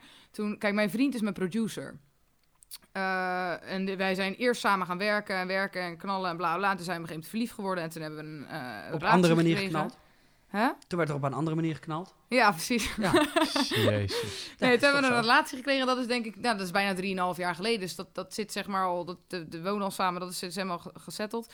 En ehm, ik heb het daar eigenlijk, mensen weten het wel en het wordt heel veel gevraagd. Want de mensen in interviews vinden ze dat weer lekker sappig en dat willen ze dan weten. En ik hou het dan heel erg oppervlakkig. Want ik weet, ik heb het dus inderdaad een keer gehad dat ik een, een interview deed dat ik daarover vertelde. En dat ik dan eh, ook zei dat hij, dat hij in de productie ook heel veel deed en dat hij heel veel ideeën had en dat het allemaal goed ging. En toen stond er gewoon super groot als kop van eh Davina Michel eh, is grootgebracht door haar vriend. Of is grootgebracht door een man. Of heeft succes te danken aan vriend. Zoiets. En toen werd, toen werd ik echt zo ziek. En ik gun hem alle credits hoor, want hij is fantastisch. Maar toen dacht ik echt van, andersom gezien, als hij, als hij eh, een zanger was geweest die bekend was geweest en die had gezegd, ja, mijn vriendin is producer en daar werk ik heel veel mee samen, had er niet gestaan, ja, is grootgebracht door vriendin. Dat, of, of, of succes door. Nee. Dus dat, dat, toen had ik, toen, vanaf dat moment had ik ook zoiets van, joe, weet je wel, dan ga ik het ook gewoon niet meer, eh, niet meer erover hebben. Want dat wordt zo snel dan zo bekeken. En dat vind ik dan weer echt, ik word ik heel ziek van. Maar ja, dat ja, het is ook weer een beetje society, hè. Dan moet je een beetje maar leven. Nou ja, en je hebt natuurlijk ook wel de mazzel dat jouw vriend echt goed is in wat hij doet. Ja, zeker. Weet heel je wel? goed. Dus, dat is, dat, eh, ja, dus dan kan je het ook wel een beetje voor jezelf... eh, Tuurlijk. Hij, hij is zeker goed in wat hij doet. Ehm, en is- zonder hem had ik het ook echt niet gekund. Ehm, en dat, dat heb ik ook niet, in dat maar- interview gezegd. Nee, maar dat is ook echt zo hoor. Want ik denk dat, de, denk dat het team waar ik in zit, dat is goud. En dat is een gouden combinatie. En ik weet zeker dat als er één van die vier jongens gemist had, dat ik nu niet eh, had gestaan waar ik nu sta. Ehm, oprecht, dat is niet omdat ik heel eh, een soort van lief wil klinken, maar dat, vind, dat denk ik echt. Ehm, eh, maar het is ook de manier als je dan eenmaal één ding zegt, hoe het dan opgeschreven wordt. En hoe het dan Ja, op zo'n ja, krantenkop clickbait naar buiten wordt Net als met dat is Playboy iets ding. waar- Dat, en, ja, oh, net als met dat Playboy-ding inderdaad. Oh, wordt er nou wordt er even een beerpunt overgetrokken. Ja, nou wordt er echt... Nee, maar nu we gaan zijn we los, aan het einde Nou, zijn we los. nu zijn ik we ga er. even een wijntje pakken. Nee, nee, los. Nee, maar ik zit, ik zit, ik zit bij, eh bij 100% NL en dan wordt aan mij gevraagd... want Kylie Jenner was net uitgekomen dat ze in de Playboy wilde. Dat ze in de Playboy ging. En, er wordt, en het was echt een maandagochtend of zo, hè, acht uur 's ochtends, weet ik veel. En helemaal geen moment voor zo'n gesprek. En dan ook bij 100% NL is ook helemaal niet een radiostation voor zo'n gesprek. Dus het was een beetje... Dus, dus eh, eh, zij, eh, die, die, zij vraagt aan mij van... ja, zou jij dat wel eens doen in de Playboy? Nou, ik zeg van, nou ja, het staat niet mijn lijstje, weet je. Ik zou, het staat niet... ik denk, ik ga het nu niet doen. Zeg maar, ik ga niet nu nee zeggen en dan over, over 10, 20 jaar daar, eh daarin staan, weet je wel. Dus en toen zei, later zei ze van, van nou oké, er zijn er dan vrouwen die gaan dan niet in eh ondergoed, maar dan gaan ze in een bikini. En toen zei ik van, nou ja, als ik het dan een keer zou doen, dan ga ik gewoon titties out, weet je wel. Dan gaan we er gewoon helemaal voor. Nou, daar staat er gewoon... Maar dat is dingen die moet je dan natuurlijk ook gewoon leren. En dan moet je eigenlijk al die mediatrainingen zooi voor hebben, weet je wel. Maar dan staat er gewoon keihard op elke pagina... Davina Michel gaat titties out in de Playboy. Maar dat is natuurlijk bullshit. Dat heb ik helemaal niet gezegd. Maar dat wordt dan weer zo... Zo, zo, zo... eh, eh, oh, ik was er heel algemeen over aan het praten. En dan denk ik van ja, dat is dan weer... Gaat dan weer over, eh, eh, kom je bij zo'n ding en dan gaat het weer over borsten, over tieten. En dat hebben mannen dan toch minder snel of zo. Zullen minder snel vragen van ga jij in je blote leuter in de Playboy? Nee Ja. toch? Maar ja, je hebt natuurlijk ook wel eens dat je, dat je iets zegt in een interview of in, Ja. in een stream of op de radio. Dat je zegt, dat, dat je dat zegt, weet je wel, in een bepaalde context. Ja. Dat je later een artikel, dat had ik laatst ook nog, en later een artikel terugleest en dat je denkt, ja, godverdomme, hebben ze dat als titel gepakt? Ja, Ja, klopt allemaal wel wat ik heb gezegd. En je leest het artikel door, ja. Ja, het, het, klopt echt- wel, maar ja, het is wel weer clickbait van hier tot Tokio, zeg. En dit is echt precies wat ik altijd heb. Want ik ga gewoon op een gegeven moment dan vergeet ik ook gewoon dat ik zeg maar... Dan gaat inderdaad dat gecensureerde gaat er af. En dan ga ik gewoon een beetje lullen en een beetje... En dan komt dat moment dat je inderdaad dingen in een cynische of een sarcastische manier gaat zeggen. Nou, dat is echt gevaarlijk hoor. Ja. Want daar kunnen ze alles uittrekken. Want dan, gaan, dan, dan luisteren ze terug. Zeg, ja, maar je hebt het wel gezegd. Ik, ja, maar dat was sarcastisch. Ik bedoel, ik kan alles opschrijven. En Jay, jij hebt mij toen de vorige keer geleerd dat je bijvoorbeeld bij artikels, artikelen en dat soort dingen, dat je gewoon altijd eh, de titel moet opvragen. Ja. Dat je altijd moet vragen van, van Oh, zo'n ja, artikel. Als je een interview hebt gedaan met mensen of met een blad. Dat je gewoon moet opvragen van, joh, wat gaan jullie de titel maken voordat er inderdaad een een of andere rot... Want dat is het allerbelangrijkste eigenlijk, want 90% van de mensen lezen alleen de titel en die gaat er gewoon langs. Ja. Dus dat heb ik wel, dat heb, was echt een goede tip voor jou. Dus ik vraag nu Ja. altijd de titel. Ja, het Nou- heeft mij een paar keer eh, goed bij de ballen gepakt, kan Nou. Daar zat ik laatst in een livestream, eh, ook eh, een beetje te lullen hier en zo met, met allerlei radiopersonen. En ik zie in één keer de volgende dag, Jordi moet heel erg wennen aan Q Music staan. En ik wist niet eens dat het artikel Ja. gepost werd. En toen las ik het artikel door, dacht ik bij mezelf, ja, ik heb dat wel gezegd gisteravond. En het klopt wel, maar had ik het de volgende dag online in een artikel willen zien staan? Nee. Nee. Weet mijn baas Nee. hiervan? Nee. ja, maar ja, goed, prima, weet je wel. Dat, eh, dat komt er ook bij kijken. Ja, maar dat is ook... een beetje bij. Kijk, en dat is waar, de, waar, waar driekwart van Nederland, eh, en misschien wel eh, meer, niet, niet, niet weet dat... we allemaal als we Facebook openen... ehm, er staat een artikel, laten we zeggen, RTL Boulevard. Die hebben ook wel eens gevraagd naar deze podcast, vonden ze interessant. Mhm. Ehm, maar die zullen, als ze wat over deze podcast bijvoorbeeld schrijven... zullen zij een artikel eh, schrijven en dan zullen ze een kop erboven zetten... die een hoop Die mensen trekt. is. Er moet geklikt En, worden. en we kennen ook uit mijn, dat doe ik ook, ik lees titel en dan ga ik reageren. Want Ja, ik denk, oh, ik weet wel wat er staat. Maar deze titel wordt overgenomen door eh, de metro, door dit, door dat, door eigenlijk Ja. alles. Eentje schrijft het en iedereen neemt het klakkeloos over. Ja. Dus op het moment Ja. dat je de titel niet weet, dan, ja, dan, dan geef je ze iets waar ze, waar ze gewoon maar mee gaan wingen. En dan gaat het helemaal fout. Michelle, voordat Ja. wij, want we zijn echt al, eh, even kijken. We zijn, we zijn echt, hoe lang zijn we al in gesprek, joh? Ja, dat zie jij nu voor je staan, want je hebt die Ik laptop kan dat niet zien. Ik zat net ook al te kijken, want het is echt, echt een lang... Maar het, het vliegt Nee. voorbij. Ja, Jordi zegt, kijk even op de laptop. Wat dan? Ja, 1 uur en drie kwartier. Eén uur in de Oh! Ja, dat is mooi. Jezus. Dat is mooi, maar dat is En ik heb als één glas wijn op. Nee, Ja, wij, hebben, wij, hebben- wij, zijn, wij zijn anderhalve fles verder. nee, Die twee. nagaan. Ja, we hebben twee, eh, twee flessen rode wijn op. Het wordt steeds gekker hier. Nou, als de quarantaine voorbij is, dan, eh, dan komen we een keer fysiek even... Ja, eh, leuk. In de uren, drie kwartier een wijntje drinken. Ja, maar Ja. dat gaan we echt doen. Weet je wat ik leuk vind? Is dat ehm eh, Jordi vroeg, van mij, vroeg aan vandaag aan mij... Jeetje, anderhalve fles. eh, het zijn er twee geworden. Je hoort het in mijn stem. Ehm Jordi, Jordi vroeg vandaag aan mij... Ja, ehm, toen je eh, Michelle eh appte, zei ze toen meteen ja. En zei ik... ja. En toen zei hij... Oh, zie je wel...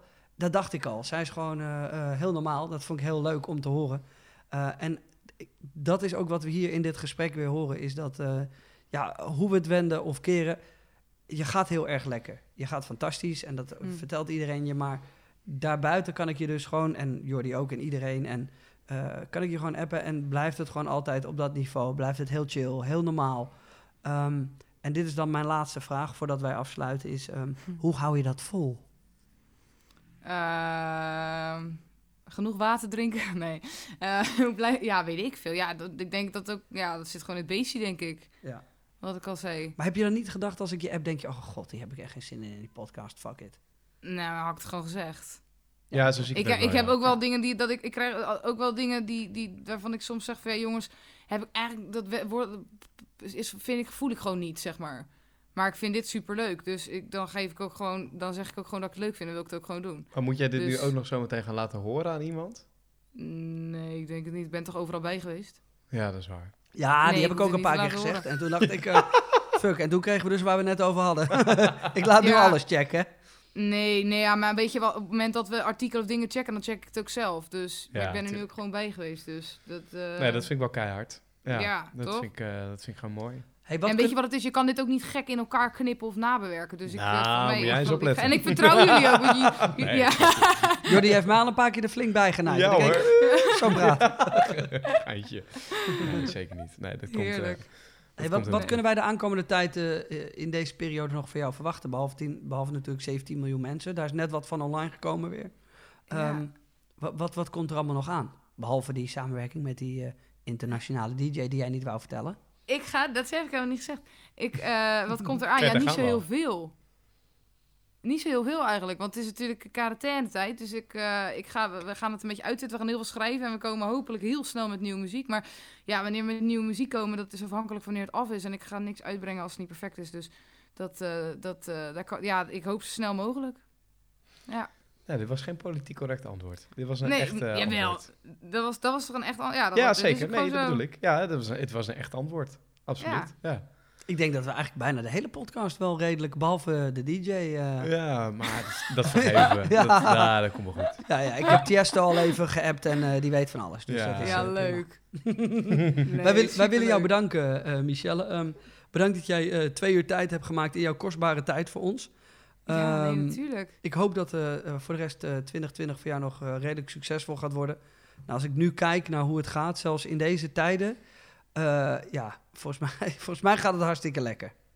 Ja, nou ja, ik, eh, ik ga mijn best doen. En ik, eh, ik wil jullie ook heel erg bedanken dat ik eh, een soort van virtueel bij jullie aan mocht schuiven.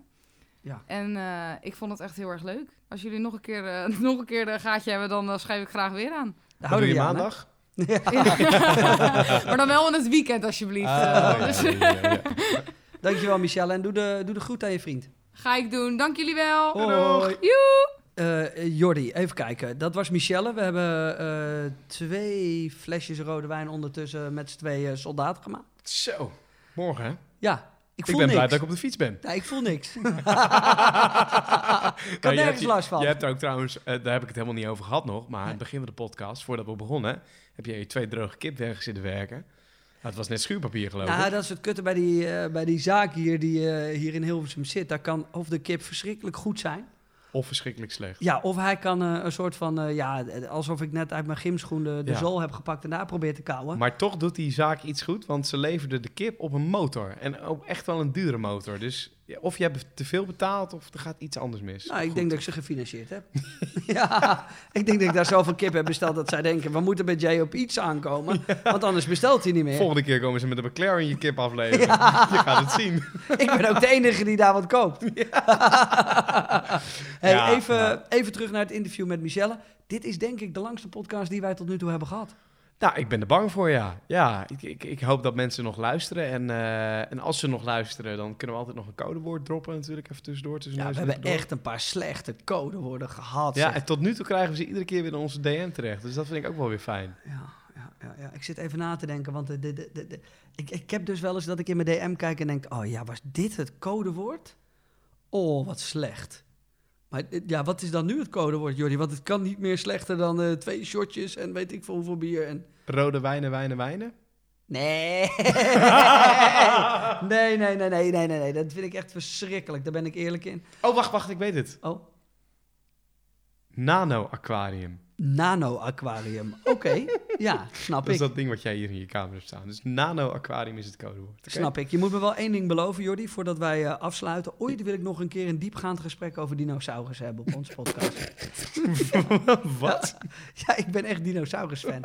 en ik dacht, dat wil ik gewoon ooit een keer in de podcast bespreken. Dan laat ik maar even weten dan in de comments op Apple Podcasts of de DM's, et cetera, of je daarop zit te wachten. Ja, ah. Want dat kan gewoon geregeld worden. Dat, eh, dat komt wel goed dan. Eh, Jordi, het gros van de mensen die luisteren, eh, luisteren op Spotify. ja, dat klopt. Kunnen zij zich daarop abonneren? Ja, je kan gewoon op volgen klikken. Zoals je dat op Twitter en Instagram kan, kun je dat ook op Spotify. Gewoon even op volgen klikken en dan gewoon iedere aflevering trouw luisteren. Dat is in principe genoeg. Ehm, mocht je daarna nog wat extra liefde willen laten zien, iedere iPhone gebruiken. Dus als je een iPhone hebt, heb je standaard Apple Podcast op je iPhone staan. Dat, weet niet iedereen, maar dat heb je gewoon standaard op staan. Dat is een app. Zoek je ons ook op. En dan kun je gewoon een, een eh, comment achterlaten, een review. Vijf sterren, laat even een berichtje achter, vinden we ook leuk. En dan zien we dat de volgende keer. Gaan we Ja, even en eh, zoals ik al zei in het begin van de podcast, er is een speciaal plekje in hel voor mensen die geen vijf sterren geven. Tot nu toe is het nog niet gebeurd.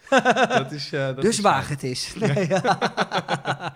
Nou, mag, ik, mag ik nog even zeggen trouwens Ja. dat ik Davina Michel echt fantastisch. Legend, hè? Echt waar, echt Ja. waar. Wat een topwijf zeg. Ja, en ik hoop dat deze podcast, en eh, we hebben natuurlijk, ja, we mogen ons ondertussen wel wat veren in de reet steken. We hebben tot nu toe gelukkig een hoop mensen gehad die hier gewoon open en eerlijk zijn. En ehm, de eerste vrouw, ik denk dat die, eh, eh, ja, onze geschiedenis van de Day One podcast is nog heel kort, maar zij gaat de geschiedenisboeken Ja. in. Eh, want het was echt, ja, ik heb dingen gehoord, die, die, die, die, ik heb er zelf ook weer wat geleerd. En dat is leuk. Ja, zeker, absoluut. En ik hoop dat de mensen thuis ook wat hebben geleerd. Vergeet natuurlijk Day One niet de- te volgen op Instagram, Day One Lifestyle. We hebben tegenwoordig ook een sportpagina, Day One Sport. Volg ons even, laat ons even weten wat je natuurlijk van deze podcast vindt. Ja, En ja, ehm, Jordi, wij gaan eh, ook eh, deze eh, podcast op YouTube gooien, denk ik.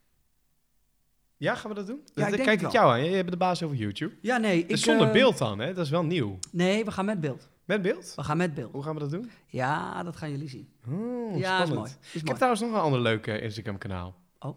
Het Jordi Warnes. Dus Jordi met de i en dan... Heb jij een eigen Warnes? Ja, luister, ik vind dit... wij zijn... Jullie luisteren naar, naar 12 wijn, vind ik het allemaal prima. Maak schaamteloos reclame voor je eigen YouTube-kanaal. Ja, ik neem nog een slokje. Ik geef je eh 10 seconden om schaamteloze eh, promotie te maken voor je eigen YouTube-kanaal. Kom maar op. Ah, YouTube-kanaal hoeft niet eens, maar dan mag je me ook volgen. Jordi Warnes, gewoon met de i. Maar eh, nee, Instagram eh, kun je me ook volgen. At Jordi Warnes. Jordi met de i, dan W-A-R-N-E-R-S. Daarachter zo. Ja. Nou, dat was Ik heb even mijn mond overgegeven. Dames, dames en heren, want er luisteren ook dames. Dat vind ik fantastisch. Ehm dank jullie wel voor het luisteren. Dit was de Day One podcast. En tot de volgende keer, toch Jordi? Zeker. Gewoon weer bij mij thuis of misschien wel op YouTube. Buitengewoon absurd. Je merkt, ik geen reet aan in deze aflevering. Heerlijk. Tabé. Tabé.